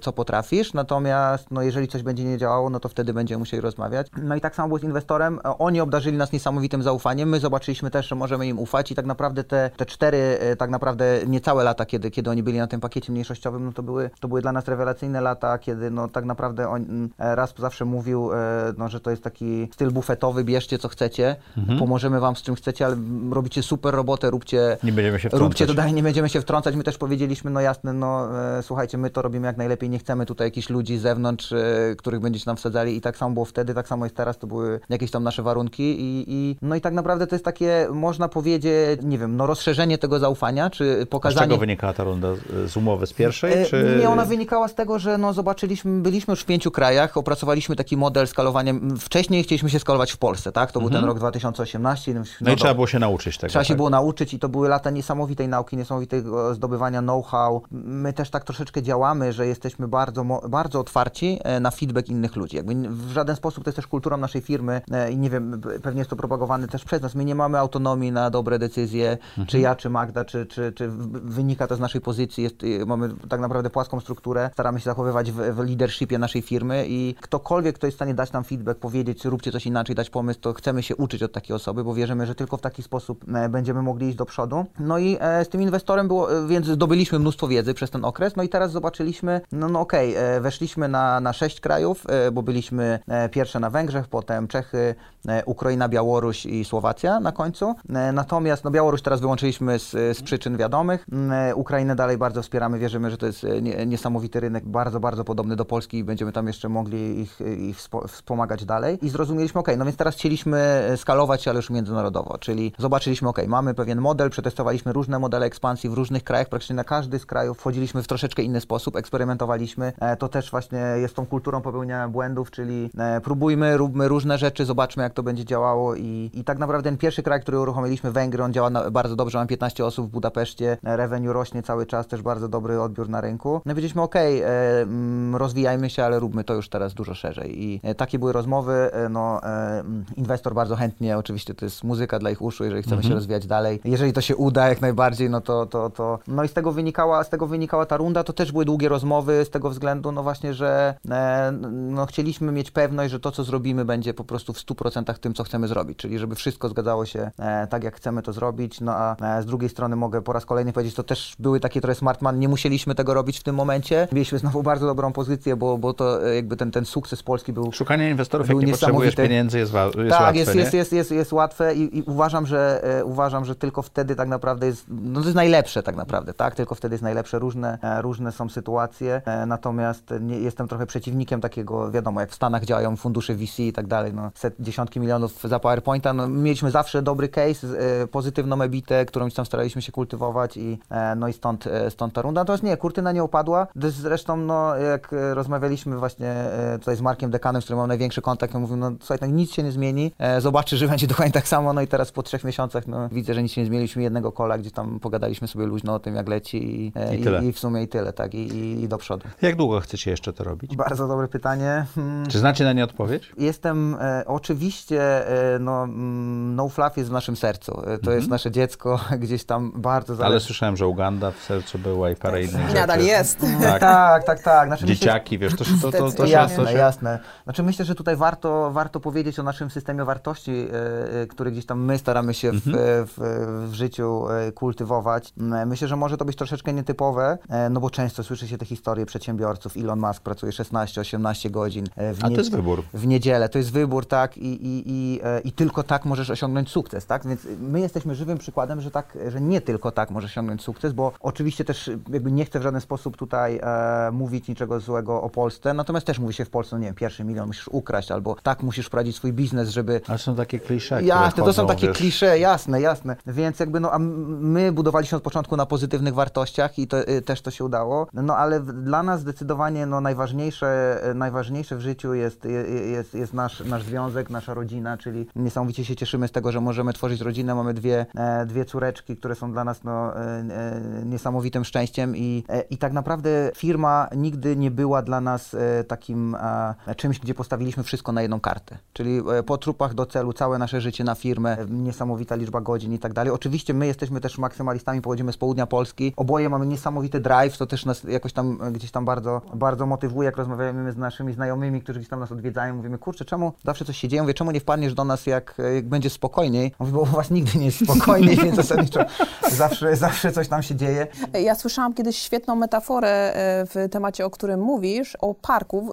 E, jest e, taki filozof amerykański Tim Keller, którego mhm. bardzo lubię i szanuję. I on powiedział właśnie z tym poświęcaniem się czemuś w 100% i nie zostawieniu w swoim życiu przestrzeni na nic innego, jest trochę tak jak z parkiem, bo park, no generalnie to jest fajne miejsce, tak? Daje nam wytchnienie od zgiełku miasta, fontanna, zieleń, wszystko super. Natomiast to jest fajne na chwilę, na odwiedziny, na parę godzin, spędzenie czasu a nie z jedzeniem, na mieszkanie tam. A nie na mieszkanie. Jak zamieszkasz, kim się stajesz? Bezdomnym, tak naprawdę mhm. bezdomną osobą. I to do mnie właśnie niesamowicie mówi w tym kontekście i tak naprawdę w naszym życiu zawsze kładliśmy nacisk na ten work-life balance. rodzina, Nawet inaczej, balance. wiara, bo jesteśmy wierzącymi mhm. osobami, rodzina i potem praca. Więc to jest taka nasza piramida to wartości. To, są te wartości, tak, tak? którą właściwie od lat reprezentujemy i która też myślę w tym całym zgiełku życia, zamieszaniu, które wiadomo, w naszej sytuacji my robimy mnóstwo rzeczy, mamy też mnóstwo pasji, hobby, bardzo dużo się dzieje, tak. tak. Pływamy wiadomo. na otwartych e, wodach, czyli ten open water swimming jest taką mhm. naszą pasją. To też w Zatoce też? Niesamowicie łączy. W Zatoce nie. W Zatoce w ogóle nie, musimy w tym roku się nauczyć pływać, ponieważ podjęliśmy to ogromne wyzwanie i startujemy w triatlonie, ale w sprincie. Okay. Więc, no ale tam jest w Zatoce tak naprawdę jeden z tym. Mhm. I tak jakby w tym zamieszaniu, w tym zgiełku życia z tymi wszystkimi pasjami,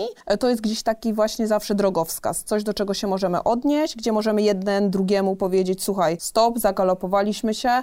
Przeginasz. Oczywiście są takie... Śpisz na ławeczce w dokładnie tak, tak parku, dokładnie, dokładnie tak. I niejednokrotnie właśnie jeden z nas dla drugiego e, taką jest osobą. A słuchacie się? E, bardzo. Bardzo się słuchamy. Zawsze? Myślę, że to, e, wiesz co, mamy taką zasadę, że my często mamy różnice zdań mhm. w danych tematach. Wiadomo, jesteśmy mega różni. Można sobie mhm. wybrać programista, rekruterka z zawodu lingwistka, stereotypy. O, no, no. Nie, natomiast różnimy się bardzo ale mamy taką zasadę, że na przykład jak jest jakaś decyzja do podjęcia, czy faktycznie jakieś wspólne stanowisko do wypracowania, tak długo rozmawiamy, ścieramy się ze sobą, aż osiągniemy kompromis. Czyli to musi być w, na końcu nasza wspólna decyzja. To I macie lat cierpliwość na to? mamy, my w ogóle uwielbiamy to jak- rozmawiać. To, ja co, poproszę ale tutaj też- marriage counseling, bo proszę dla mnie, to skąd macie co, cierpliwość na to ścieranie się, Wiesz żeby co? osiągnąć kompromis? My uwielbiamy rozmawiać i w ogóle tak naprawdę od początku naszego związku rozmawiamy godzinami. My nawet teraz, jak na przykład jak gdzieś wyjadę na weekend z przyjaciółką, wracam, mówi, no to opowiadaj, opowiadaj i opowiadamy trzy godziny, więc to gdzieś tam jest takie naturalne w naszym związku. E, Myślę, że też e, tutaj w kontekście marriage counselingu e, e, śmieję się, że taką, myślę, że to też z naszego życia wynika. Myśmy na przykład osiem razy się przeprowadzali i osiem razy zaczynaliśmy nasze życie na nowo w miejscu, gdzie mieliśmy ciągu tylko... 10 w ciągu na, nie, nie, my jesteśmy sobą połowę życia, czyli, Okej. Czyli tam dwa- 20 20, powiedzmy, prawie tak. 20 lat. I tak naprawdę wielokrotnie znajdowaliśmy się w sytuacji, że byliśmy w nowym miejscu, bez żadnych przyjaciół, bez rodziny. I trzeba było o, o siebie się oprzeć, Dokładnie Tak. tak. Mieliśmy tylko siebie, gdzie mogliśmy się o siebie oprzeć i to w nas wypracowało takie, no taką myślę niesamowitą relację. E, I nawet właśnie teraz się śmiałam, e, przed kilkoma dniami e, okazało się, że muszę e, aplikować sobie zastrzyki w brzuch. E, no i to było coś, czego nie mogłam przeskoczyć, tak jakby, no nie wyobrażam Mentalnie. sobie, że mentalnie. No i wchodzę do domu, mówię, słuchaj Tomek, dostałam recepty, kupiłam te zastrzyki, ja tych zastrzyków sobie nie zrobię. Tomek kategorycznie mówi, no ja też ci ich nie zrobię. Nie ma szans, żebym ja tobie w brzuch wbił 5-centymetrową igłę. O, ja odwieszałam kurtkę do szafy, słyszę Tomek na górze coś ogląda. Ogląda zrobić? YouTube instruktaż i mówi, siadaj, robimy zastrzyk. Także To to, nie jest... jest takie trudne. No, ale dla mnie, ja nie wiem, czy bym była w stanie komuś zrobić, natomiast no to ja jest po też... trzech operacjach w ciągu dwóch ostatnich lat, gdzie po każdej operacji masz serię. Musiałeś, okej, to jasne. już potem... Okej, czyli wchodzi rutyna, natomiast dla mnie no było Nie, no to ty no szok- bym tego nie nazwał, ale Okej. tak. Okej, okej. Jasne, ale myślę, że do teraz też jest tak, jeśli chodzi o te właśnie wspólne decyzje, że osoby, które e, do nas dołączają i mają gdzieś tam większy styk z nami w firmie, wiadomo, że ciężko teraz nie, nie, mieć z każdym, no to szczególnie w leadershipie zastanawiałem się, no kto podejmuje decyzje tak naprawdę. I na początku wchodzą, mówią, no tak, pewnie Tomek zdecydowany, on na pewno podejmuje tą finalną decyzję. Później, e, im dłużej z nami współpracują, się kurczę, chyba jednak Magda podejmuje te decyzje i tak dalej, natomiast na koniec nigdy nie zgadną, bo wiedzą, że raz jest tak, raz jest inaczej, to zależy od tego, gdzie czujemy, kto ma jakie kompetencje, kto ma jakieś tam e, do, dozę wiedzy. I to myślę, że ja bym tego, e, ja bym podkreślił, że to jest właśnie takim jednym z kluczowych aspektów sukcesu No Fluffa. To jest to, że jesteśmy razem e, i że mogliśmy prowadzić ten biznes razem I- Magda była takim niesamowicie silnym e, strażakiem, stra, strażnikiem naszej kultury i naszego DNA, dlaczego to robimy, widełki płacowe, e, wartości naszej firmy i no myślę, że bez niej jakby no nie, nie bylibyśmy w stanie osiągnąć takiego sukcesu i ten fakt, że właśnie tak się dopełniamy i możemy razem to robić, no akurat w naszym przypadku funkcjonuje niesamowicie dobrze. Do tego stopnia, że właśnie też druga anegdotka, nowe osoby, które przychodzą, nie mogą uwierzyć, że siedzimy razem, mamy razem biuro i siedzimy biurko w biurko ze sobą. Mówią, kurczę, to chyba jest jakby, no nie, nie wiem, jak to jest możliwe, że mieszkacie razem, wychowujecie Pracujecie dzieci razem, razem. pracujecie razem, ale jeszcze siedzicie razem. Ale przed wami jest w tej chwili niesamowite wyzwanie, bo tu powiedziałeś, że, że powiedziałeś, że nie wiadomo, kto tam pracuje, bo osiągnęliście już liczbę Dambara, Tak. czyli te 120, 150 Dokładnie. osób, gdzie już przestajecie wiedzieć, co to, nawet nie imiona, przestajecie rozpoznawać te osoby, no i, a firma będzie rosła Jeszcze szybciej, tak. Dalej. Tak. Z pewnością zdajecie sobie sprawę, ale czy wiecie, jak to zrobić, żeby Mhm. właśnie doprowadzić do tego, żeby firma była w stanie e, rosnąć dalej? Bo, bo musicie totalnie zmienić kulturę Tak, to ja sensie. zaadresuję właśnie ten aspekt kultury i dużo przemyśleń mam ostatnio na ten temat i myślę, że kluczem do sukcesu jest e, inwestowanie w liderki i liderów. I to się już dzieje, tak jakby my w naszym gronie Czyli zmniejszenie tej liczby Dambara E, nie, do liderów, tak? Nawet nie, nawet nie. Tak jakby ja wierzę w to, że w każdej organizacji wszystko idzie od głowy. Tak naprawdę, jeżeli głowa jest zepsuta i nieraz miałam właśnie kontakty z firmami, gdzie wchodziłam, wiedziałam na przykład coś na temat oso- osób zarządzających tą firmą i bardzo szybko potwierdzały się Mhm. niestety na przykład negatywne, negatywne przypuszczenia, że faktycznie w tej firmie będzie coś wyglądało tak, jak, jakie wartości reprezentuje ta osoba u góry. I tak jakby jestem tego świadoma, jest, jesteśmy świadomi tej ogromnej odpowiedzialności i wydaje mi się, że właśnie w tej sytuacji tego dynamicznego wzrostu, gdzie niestety faktycznie dopiero teraz na przestrzeni dwóch miesięcy doszło do sytuacji, że nie znam każdej osoby z imienia, nie mogę jej przywitać, ubolewam, ale no Mhm. A fizycznie... to ten wzrost będzie jeszcze przyspieszał. on tak? będzie i tak jakby wydaje mi się, że kluczem do sukcesu jest tutaj właśnie to inwestowanie w, w leadership, wyposażenie ich i to, to się już dzieje, tak jakby my To jest prowadzimy to DNA, też szkolenie DNA, to jest mówisz. to, co robię, ale my tą firmę prowadzimy e, tak naprawdę, z, jest nas dziesięcioro w takim naszym Mhm. najbliższym kręgu, jak to nazywamy. To są ludzie, z którymi e, właśnie to jest też niesamowicie ciekawe i myślę, że to jest też e, składnik, e, dla którego, e, który po prostu zadecydował o sukcesie Czyli nie macie zarządu, macie krąg. E, mamy Nie krąg mamy zarządu, za- nie używamy nie, nie słowa bardzo nie zarząd lubimy jakby, tego nie, słowa, nie, natomiast i krąg też nie używam, używam po prostu leadership, e, tak, natomiast e, tak jakby, co jest też takim kluczem, tak jakby od, my mamy intuicję do ludzi, oboje mamy intuicję do ludzi i ta intuicja pozwol, pozwoliła nam i nadal pozwala dobierać do teamu naprawdę fenomenalne osoby z przeróżnych światów, z, przeróżnych, e, z przeróżnymi kompetencjami, przeróżnymi życiowymi doświadczeniami, ale zawsze jest jeden punkt nas spajający. To jest właśnie wiara w te wartości i w to DNA. I faktycznie w tym naszym dziesięcioosobowym I gronie... te osoby muszą przetrwać ten okres, dopasować, Nawet nie chodzi o przetrwanie, tego. tak jakby, o właśnie, One muszą, muszą- być one muszą One One muszą dobrze. dopasowane. pasować od I w początku tak naturalny naprawdę. sposób, tak jakby nie da się kogoś nauczyć, żeby te wartości były jego naturalnymi. On musi je mieć jako swoje Jasne. wartości, w które Jeżeli wierzy. nie są, to nie będzie pasować. Dokładnie. I tak jakby były niestety, ma bardzo mało, były chyba dwa przypadki, gdzie faktycznie okazało się, że no nie było Nawet tego dopasowania. Tak, on się dwukrotnie, te, taka sytuacja się zdarzyła, no ale tak jakby tych osób już z nami nie ma od dłuższego czasu. I teraz faktycznie jest no takie grono, ja mówię, to są takie osoby dla nas, no to są osoby, które z nami tą firmę budują. One pod sobą mają kolejne pokolenie liderów. To są też liderki i liderzy, z którymi ja się spotykam, spo, spotkałam na tym szkoleniu DNA, ale to są osoby, z którymi znowu te osoby mają cotygodniowe statusy, rozmowy, puls czeki, więc tak jakby wydaje mi się właśnie, że przez stworzenie tej takiej struktury, no niestety ona w jakimś tam stopniu jest hierarchiczna, natomiast no właśnie to przenikanie się na każdym poziomie tych wartości, życie nimi, mówienie w firmie o wartościach. My teraz mieliśmy kwietniowy bardzo duży event, już pierwszy taki nasz e, międzynarodowy event cały po angielsku, gdzie tak jakby większość paneli, cały nasz panel e, był właśnie o wartościach. O tym chcemy mówić, o tym trzeba mówić, jeżeli chcemy mieć e, faktycznie firmę, biznes zbudowany na wartościach. Jest Myślę, jeszcze- że też bardzo... Okej. Jasne, jasne, proszę. Jest jeszcze jeden Proszę ważny... cię bardzo, ja tutaj jest mogę rozdawać mikrofon. Tak, tak, Dobrze, to jeszcze, nie, bo jeszcze chciałem tutaj dodać jeden ważny aspekt odnośnie tego, powiedziałaś leadershipie, ale generalnie mamy takie podejście, że nie rekrutujemy ludzi, którzy nie pasują do naszego DNA bądź do naszej kultury. Czyli nie mają Czyli znaczenia... nawet jak będzie super specjalistą, Tak, ma ale nie pasuje. Nie, nie pasuje, nie zatrudniamy takiej osoby, próbowaliśmy tego, to nie działa. Po prostu to nie funkcjonuje. Możemy kogoś nauczyć. Oczywiście, jeżeli szukamy wielkiego speca, nie nauczymy go, chcemy, żeby on przyszedł, wniósł wiedzę do naszej firmy. Ale to można wynająć jako Dokładnie, konsultanta, konsultanta, tak? i tak dalej, szkolenie i tak dalej. I i jakby jeżeli ktoś nie pasuje po prostu, to, to już się tego nauczyliśmy i to nie tylko w leadershipie, ale w całej firmie. I teraz jeszcze do, do tego momentu kontrolujemy, to chcemy, żeby było to jak najdłużej, żeby takie osoby po prostu dla nas e, z nami nie pracowały. I e, to mogą być nawet czasem małe rzeczy, na przykład, no jeżeli jedną z naszych wartości jest uczciwość, tak, i transparentność. E, e, mieliśmy taką sytuację, że ktoś na rozmowie kwalifikacyjnej powiedział, no, no super specjalista, fajnie się rozmawiało i mówi, no, że co robisz w wolnym czasie? No w sumie piszę na lewo pracę magisterską. Mhm. Mówimy, okej, słuchaj, no dziękujemy, nie ma potrzeby. jest nieetyczne, Nie ma, nie tak? ma potrzeby rozmawiać dalej. Po prostu to nie, nie, nie jest w zgodzie z naszymi wartościami, bardzo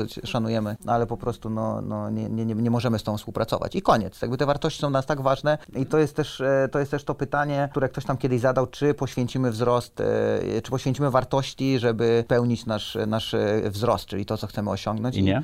Nie, oczywiście, że nie poświęcimy. Wierzymy, że jesteśmy w stanie to zrobić w zgodzie z naszymi I wasz wartościami. inwestor jest z tym ok? Jest w tym okej, tak. I, właśnie myślę, że to też ich bardzo mocno przyciąga do NoFluffa, że widzą, że to jest e, tak naprawdę firma, która, która no, ma niesamowitą wartość nie tylko jeśli chodzi o produkt, sprzedaż i tak dalej, ale jako kultura organizacyjna, jako taka organizacja 2.0 nazwijmy to, firma, która po prostu e, no, może działać e, szeroko w taki sposób, w jaki sobie założyła z sukcesem. To jak duży jest No Fluff Jobs? 10 tysięcy ogłoszeń y, aktywnych, y, 140 prawie 50 pra- 150 na pokładzie, pracowników. tak. Ile Ja macie obrotów? Kilkadziesiąt milionów w tym roku chcemy zrobić, także Wow, złotych. złotych, tak. Jeszcze liczycie w złotych, bo rozumiem, to Jeszcze, niedługo jeszcze, liczymy, jeszcze liczymy w złotych. tak? Jaki procent dochodu jest spoza Polski? W tym momencie myślę, że będzie to około 10%. Także Czyli malutki To jest jeszcze. malutki. Tak, to są mniejsze kraje, Węgry, Czechy. Czechy monetyzacja dopiero startuje. Węgry monetyzujemy od tam dwóch Mhm. A e, planujecie lat. wyjść na zachód z ofertą? Tak, wchodzimy. Wchodzimy na zachód. E, mogę tutaj powiedzieć na kraje Europy Zachodniej. Mhm. E, jak najbardziej. No chcemy, chcemy go global, to jest nasze hasło teraz, to, to, to będzie. Czy to hasło z początku jednak e, E, e, zostało. wróciło, tak. tak, że zostało, zostało. wróciło, e, jest na topie. Publikowałem je na LinkedInie i działamy, działamy do przodu. I tak naprawdę to, Tomku, o czym mówiłeś, e, właśnie ta uczciwość, bo mówiliśmy bardzo dużo o niej w kontekście e, właśnie życia wewnątrz organizacji, ale to od początku była też obietnica dana klientom i klientkom na zewnątrz. I tak naprawdę em, A klientami dla Was są informatycy czy firmy? Czy jedno... I to, i to, zdecydowanie Czyli od to jest początku. marketplace wybitnie, to są tak? na tak, tak. I e, tak jakby dla nas właśnie no, ta obietnica, którą daliśmy kandydatkom i kandydatom, zawsze widełki płacowe u nas będą obecne, zawsze będziemy transparentni, zawsze ogłoszenie będzie w tym formacie, który znacie i który pokochałyście, pokochaliście. No ona jest dla nas nie do cofnięcia i tak naprawdę ona od samego początku, y, my z tego powodu ponosimy straty finansowe. Czyli są pracodawcy, którzy nie chcą... Ogrom. I tak naprawdę to jest coś, rynek się zmienił. Faktycznie udało nam się rynek w Polsce zrewolucjonizować i faktycznie ogłoszenia bez widełek są ogłoszeniami drugiej kategorii, ale my co roku tracimy mnóstwo pieniędzy przez to, że ten wymóg mamy. I takie dwa przykłady, które, które mi się nasuwają. Y, Jeszcze wtedy pamiętam, byłam jedyną osobą w sprzedaży e, i zgłosiła się do nas bardzo duża agencja rekrutacyjna. Powiedziała, kurczę, no fajny produkt, chcielibyśmy zacząć z wami współpracę, ale pani Magdo, zróbcie dla nas wyjątek, usuńcie ten wymóg widełek. No kupimy ogromny y, pakiet i, i tam chyba była mowa nawet o unlimited, no dla nas w ogóle w, w tamtych czasach kosmiczne pieniądze. I pamiętam, no na 30 sekund pojawiła się taka pokusa, e, natomiast odrzuciliśmy to z oczywistych względów. E, Drugi raz e, podobna sytuacja. E, Okazało się, że klient, z którym nawiązaliśmy współpracę, prowadzi bardzo nieetyczne praktyki, jeśli chodzi o programistów wewnątrz organizacji. Takie informacje pojawiły się na forum, one były zweryfikowane. Czyli programiści, którzy tam poszli pisali, co się dzieje, tak? Dokładnie i pojawił się nawet taki komentarz, no patrzcie, a No Fluff z nimi współpracuje. I to było dla nas w ogóle no-go zupełny. Myśmy no, taką biznesowo bardzo irracjonalną decyzję podjęli. Natychmiast żeśmy zdjęli te ogłoszenia. Oczywiście doszło do rozmowy, pamiętam, dla mnie bardzo nieprzyjemnej z, z no, CEO tej organizacji. Ja go przeprosiłam za to, że nie poinformowałam go wcześniej, bo to było takie bardzo spontaniczne działanie. Natomiast no, w efekcie my dopiero po dłuższym czasie nawiąz- te ogłoszenia nie pojawiły się na naszym portalu, bo nie chcieliśmy z taką Oddaliście firmą pieniądze? Zdecydowanie. Natomiast po chyba tam dwóch latach oni do nas wrócili. To już była wtedy inna organizacja, która zrozumiała, jak Mhm. trzeba kandydatów, no, ludzi na pokładzie traktować i no wtedy mogliśmy współpracę Czyli w pewnym sensie wpłynęliście na firmę. Zdecydowanie tak. Mam nadzieję, że przypuszczam, że byliśmy jedną, jednym z czynników, bo myślę, że tak naprawdę rynek im pokazał, że tak nie wolno traktować ludzi. Natomiast no, myśmy wtedy byli bardzo definitywni i to jest też coś, z czego no, zawsze jako marka byliśmy dumni, że no, nie przedkładamy tych korzyści finansowych, które wierzymy są tylko krótkotrwałe na realizowanie obietnicy, które, którą daliśmy rynkowi. Jedną z ważnych rzeczy, którą ty promujesz w organizacji, e, to jest inkluzywność. Zgadza się. Co chodzi w tym magicznym słowie? E, Dobrze, więc y, no, ja jestem z wykształcenia lingwistką. E, Tak naprawdę głęboko wierzę, że język kształtuje rzeczywistość i język tworzymy my, jako użytkowniczki i użytkownicy języka. I inkluzywność polega na uwzględnianiu kobiet i żeńskich form w języku. A to się de facto nie dzieje. Tak naprawdę język biznesu te kobiety zupełnie wyklucza. No, wszyscy znamy e, osoby, które przedstawiają się jako HR biznes partnerzy, są kobietami, czy są psychologami, coachami e, i tak naprawdę no, to się dzieje na porządku dziennym. E, natomiast e, to jest t- Czy chodzi o formy żeńskie? Chodzi o formy żeńskie, tak zwane feminatywy i tak naprawdę uwzględnianie form żeńskich to nie jest w ogóle jakiś wynalazek XXI wieku, że teraz feministki się obudziły i, i chcą, chcą, żeby były uwzględniane. Nie. Tak naprawdę już na przełomie XIX i XX wieku formy żeńskie były, miały się bardzo dobrze, były powszechnie używane. Wystarczy sobie zajrzeć do poradnika językowego z 1904 roku. To co się zmieniło w języku Zmienił polskim? się PRL nadszedł i tak naprawdę e, PRL spowodował, że e, e, formą, formą męskim da, dano po prostu e, tutaj przywództwo. Kom, komuna, komuna nas zdefeminizowała? Zdecydowanie tak i co ciekawe, Ale przecież odrzekł... kobiety na traktory przecież, Tak, natomiast jeśli chodzi o język, e, o nazwy stanowisk pracy, Mhm. uznano, że nazwy męskie są zdecydowanie bardziej nobilitujące. E, tak, e, w ogóle w kontekście e, języka ofert pracy, e, Pracuj.pl w zeszłym roku przeprowadził mega ciekawe badanie na temat języka ofert pracy, w którym dwie trzecie mężczyzn stwierdziło, że chciałoby, żeby oferty uwzględniały obie formy, i męską, i żeńską, i tak samo odpowiedziało 80% kobiet. Natomiast wiemy, jak oferty wyglądają Są wszystkie dla mężczyzn. są wszystkie właściwie dla mężczyzn. I myślę, że też język polski jest tutaj takim no, raczej negatywnym przykładem. Wystarczy spojrzeć na język niemiecki. Tam wszystkie nazwy stanowisk i też wiele rzeczowników naturalnie ma, końcu, ma formę żeńską i męską. Po prostu dokleja się końcówkę in, Lehrer, Lehrerin i od razu mamy tak naprawdę e, rozróżnienie. Mhm. To samo w języku angielskim. Angielski jest wiadomo, znacznie mniej, e, mniejszy jest nacisk, on jest bardziej neutralny genderowo, natomiast też w tekstach angielskich, w środowisku anglojęzycznym były bardzo zażarte dyskusje na temat dokumentacji technicznej i tego, że w dokumentacji technicznej pojawiała się tylko forma he, a nie she E, i teraz e, tak naprawdę jak spojrzeć do dokumentacji, że znacznie częściej pojawiają się obie formy, czyli he slash she albo singular they, czyli po prostu już mhm. faktycznie zostało to zmienione. I... Ale zmiana języka i zmiana kultury to jest, to jest praca na pokolenia. Zdecydowanie. To nawet nie na lata jest praca, To prawda? jest proces, natomiast w momencie, jeżeli nie będziemy tych form używać, one nigdy nie wejdą do uzusu i one nigdy nie będą dla nas brzmiały naturalnie. Ja ciągle właśnie staczam dyskusję, hej,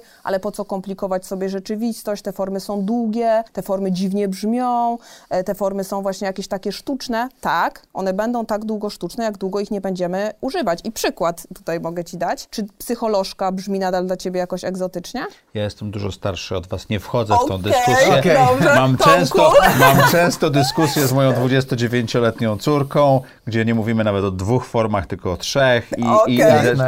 i są pewne momenty, nie, nie brzmi dla mnie dziwnie, ale nie jest dla mnie naturalnym. Tak Rozumiem. samo jak dla mnie nie jest naturalnym mówić w Ukrainie, tak. tylko na Ukrainie, tak, bo, bo całe, całe życie, życie tak, tak, całe tak, życie tak dorastamy. Ja tak. muszę przeprogramować mózg, co Tak. jest, y, no jest cholernie trudne. Tak, natomiast- Pomimo tego, że ja wiem, że tak, że dl- dlaczego to się bierze, Tak. dlaczego ta forma powinna być używana, to nie będzie to naturalne. Tak, natomiast masz motywację, żeby to robić, na przykład w przypadku Ukrainy, Oj, prawda? tak, no bardzo właśnie. kocham moją córkę. I to jest cudowne i tak jakby właśnie myślę, że ta motywacja to jest klucz do sukcesu tutaj, że tak jakby jeżeli uświadomimy sobie, że język naszą rzeczywistość buduje i kształtuje, Mhm. chcemy, żeby tych kobiet było więcej wszędzie. W IT też o to walczymy jako portal, publikujemy raporty na temat Ale sytuacji Polska, kobiet w jeżeli IT. chodzi o ilość kobiet w ICT generalnie, jest y, dość wysoko w, na światowym poziomie. Tak, i z roku na rok kobiet w IT Tak. jest więcej. Nawet nowiutkie badanie, które opublikowaliśmy miesiąc temu, pokazuje, że ponad połowa kobiet do branży IT weszła bez studiów informatycznych, tylko przebranżawiając się. Mhm. Czyli po prostu bootcampy, szkolenia, czyli kobiety znajdują w sobie tą siłę, motywację, chcą do tej branży wejść i mają sposoby, żeby Mhm. Zrobić. Więc zdecydowanie to jest optymistyczne. Natomiast wracając tutaj uparcie do tego języka, ja nadal wierzę, że e, no, powinniśmy też, ale tutaj i kobiety, i mężczyźni e, walczyć o to, żeby te formy były obecne. W No Fluffie bardzo się staramy. Ja jestem wiceprezeską, taką mam też pieczątkę. Bardzo też się staramy e, dużo o tym Mhm. Mówić. jest na Tak, pieczątce? na pieczątce Okej. jest wiceprezeska, tak. E, I tak się też przedstawiam, jak gdzieś tam jestem przedstawiana. E, W No Fluffie dużo o tym mówimy. Widzę, że to się już zmieniło na przestrzeni dosłownie kilku miesięcy. Natomiast śmieję się To tutaj, tak że jak z tym pracodawcą, którego zmieniliście na sposób e, zarządzania zespołami trochę, tak? e, w jakim sensie teraz? Opowiadałaś, jak e, wyrzuciłaś firmę, E, która... Zdecydowanie tak, zdecydowanie tak. E, natomiast tutaj właśnie się śmieję często, że największym feministą jest mój mąż. Ja siedzę E, cicho, on tak nadal pracuje bardzo nad feminatywami i, i gdzieś tam faktycznie w języku Myślę, że nie masz jest... wyboru. Tak, natomiast takie, taka śmieszna historia, no dosłownie parę tygodni temu byli u nas znajomi i e, no właśnie e, kolega bardzo się chwalił, że on pomaga żonie w obowiązkach domowych i przy dzieciach, a to mówi, jak to pomagasz? To to nie są twoje dzieci i, e, I i to nie są i twój dom?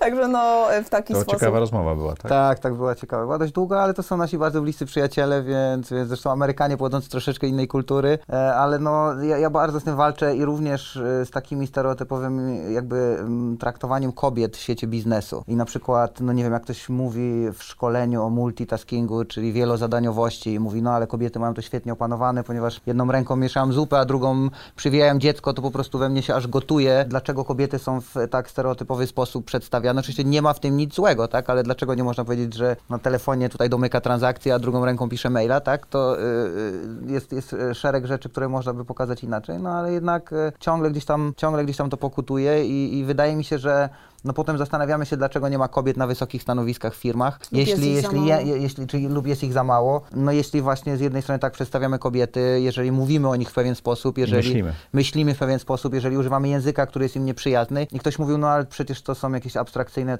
czy absurdalne przykłady, no pewnie tak, natomiast to chodzi o te małe kroki, małe zmiany, które będą powodowały, że, że, no, że będziemy też również w tym temacie szli do przodu, a my no, jako Magda i Tomek jesteśmy trochę takimi osobami, które gdzieś tam zawsze kwestionują status quo, nie tylko no fluffem, ale to, co gdzieś tam widzimy, że chcielibyśmy, Czyli chcecie zmieniać świat. troszkę chcemy zmieniać świat. I troszeczkę wam już się udało. Próbujemy, tak, próbujemy, na pewno próbujemy, na pewno się nie poddamy i e, walczymy do przodu. E, W audycji Projektu Swoje Życie nadchodzi ten moment, kiedy zadajemy trudne pytania. to jest trochę trudne, jeszcze bardziej trudne do zrobienia, jak mam rozmowę z parą, ale wasza najlepsza decyzja w życiu. Czy możecie ją opisać? Tomku. Tomku, zaczynam pierwszy. No Magda prosiła, żeby strzelać, yy, Strzelać z różne- pytaniami od do ciebie najpierw. Zdradziłeś, zdradziłeś. Zakulisowe E. Myślę, że no, najlepsza decyzja w moim życiu to to, że wybrałem Magdę jako, O. jako moją żonę, y, bo no, jest, to, jest to na pewno niesamowita podróż, także, także to, jest, to jest jedna z takich decyzji. Jeśli chodzi o decyzje e, stricte takie biznesowe czy życiowe, to no, raczej e, ja się tak śmieję, że podchodzimy do życia agile'owo, czyli zwinnie i, i wydaje mi nie wiem, czy jestem w stanie wybrać jedną taką decyzję, natomiast na pewno to... Już jedną wybrałeś. Okej. Magdo? E, Dla mnie zdecydowanie to taka decyzja podejmowana w sposób ciągły, ale właśnie ta decyzja o byciu wierną e, tym naszym założeniom, że będą zawsze widełki i zawsze będziemy transparentnym portalem pracy. To jest coś, ja właśnie tak jak mówił Tomek, jestem tą strażniczką, to jest coś, tak jakby ja czuję, że daliśmy tą obietnicę i my musimy ją dotrzymać, także... Co daje ci najwięcej energii czy satysfakcji w życiu? Myślę, że właśnie realizowanie misji i tak naprawdę tą misją, tak jak mówiłam, jest zmiana świata na lepsze i pomaganie ludziom. E, Ja w ogóle w zeszłym roku zaczęłam robić szkolenie z coachingu i to jest coś, co niesamowicie mi się spodobało. Jako właśnie narzędzie, które jest takie mega pozytywne, podnoszące I ludzi. rozstrze- rozszerza postrzeganie. Rozszerza postrzeganie, uświadamia ludziom, ile zasobów jest w nich i tak naprawdę one tam są, gotowe, żeby wyjść i żeby pomóc im żyć lepiej, e, mądrzej. E, No i tak naprawdę zadaniem coachki, o proszę, nowe słowo, które trzeba promować, zadaniem coachki jest właśnie te rzeczy wydo- pomóc, e, pomóc klientce czy klientowi wydobyć przy pomocy umiejętnie zadawanych pytań. Także to jest takie moje odkrycie i na pewno bym chciała gdzieś tam e, no, w tym coachingu się bardziej udzielać i go używać jako narzędzie do pomagania ludziom. Tomku, co daje ci najwięcej energii czy satysfakcji? Bycie najlepszym w grze, w którą gram. A w którą grę teraz grasz? Teraz gram trochę w biznes, e, a druga rzecz to sport. Co mógłbyś przestać teraz robić, co by poprawiło twoje samopoczucie albo spowodowało twój rozwój? Jasne, myślę, że akurat mm, to jest takie pytanie, jakbyś mi zadał je rok albo półtora roku temu, to byłbym w stanie dużo więcej powiedzieć, bo bardzo dużo nad tym pracowałem w ostatnim czasie. Ale to jest zajebiste mówić ludźmi, którzy pozdejmowali ze stołu, bo zawsze coś zostaje. E, Okej, okej. Natomiast ja dużo pracowałem, żeby właśnie odłączyć się, żeby firma nie była zależna ode mnie. Czyli żeby firma rozwijała się, żeby zdjąć Ja nie wszystko. pytam o firmę, pytam o ciebie. Okej. No. mm. Co ty mógłbyś przestać teraz robić? Pomyśl. Magdo. Ja myślę, że martwić się.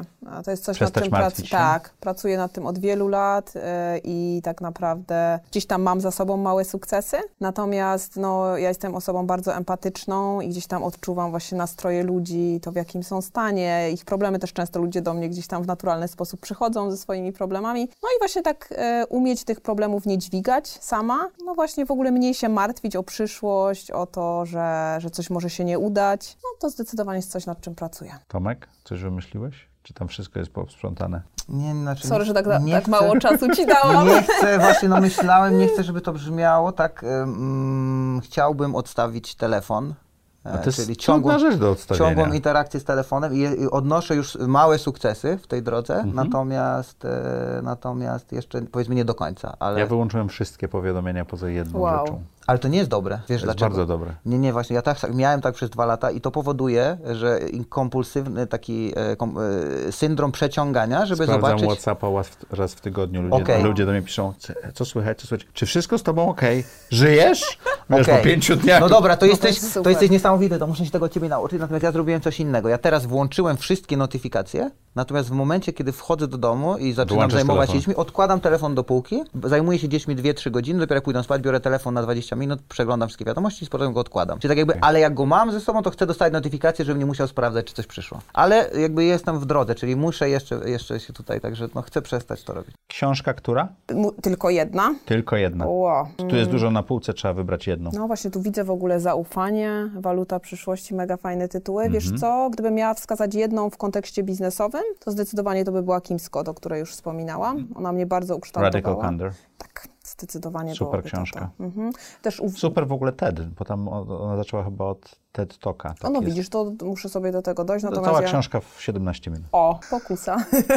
Natomiast ja ją czytałam robiąc notatki, do notatek wielokrotnie wracałam, także ona jest mocno w mojej głowie. Super. Tomku? No dla mnie tutaj ekipa Basecampowa, ona gdzieś tam zdefiniowała Rework, Getting Real, to traktowałem to jak jedną książkę, bo to, To, jest... trochę e, jest jednak, trochę to jest taka jedna- kontynuacja, nie? Tak, tak. To jakoś niesamowicie pokazało mi tak namacalnie, jak to zrobić, e, jak zacząć, na czym się skupić. To wasza firma trochę reworkowa rzeczywiście jest. Tak, no to na pewno formułowało moje myślenie. Mogę Powiedz mi, co czytasz, a powiedz mi, czy dokładnie, dokładnie, dokładnie, dokładnie. No tak było, tak było. No dobrze, co chcecie, żeby słuchacze i widzowie audycji Zaprojektuj swoje życie zapamiętali z tego wywiadu? Z tej rozmowy chyba, to wywiad to ciężko powiedzieć. Jasne.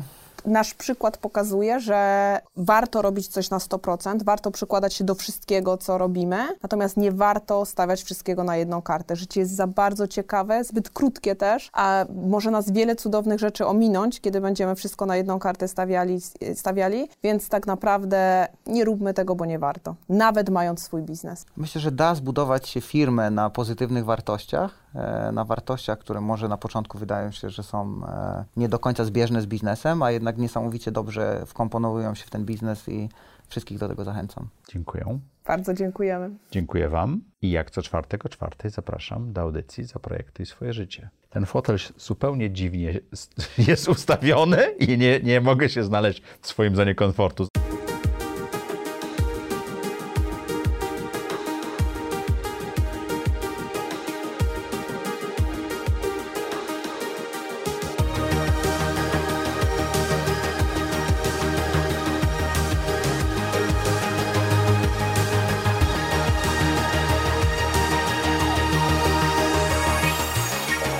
Zaprojektuj swoje życie.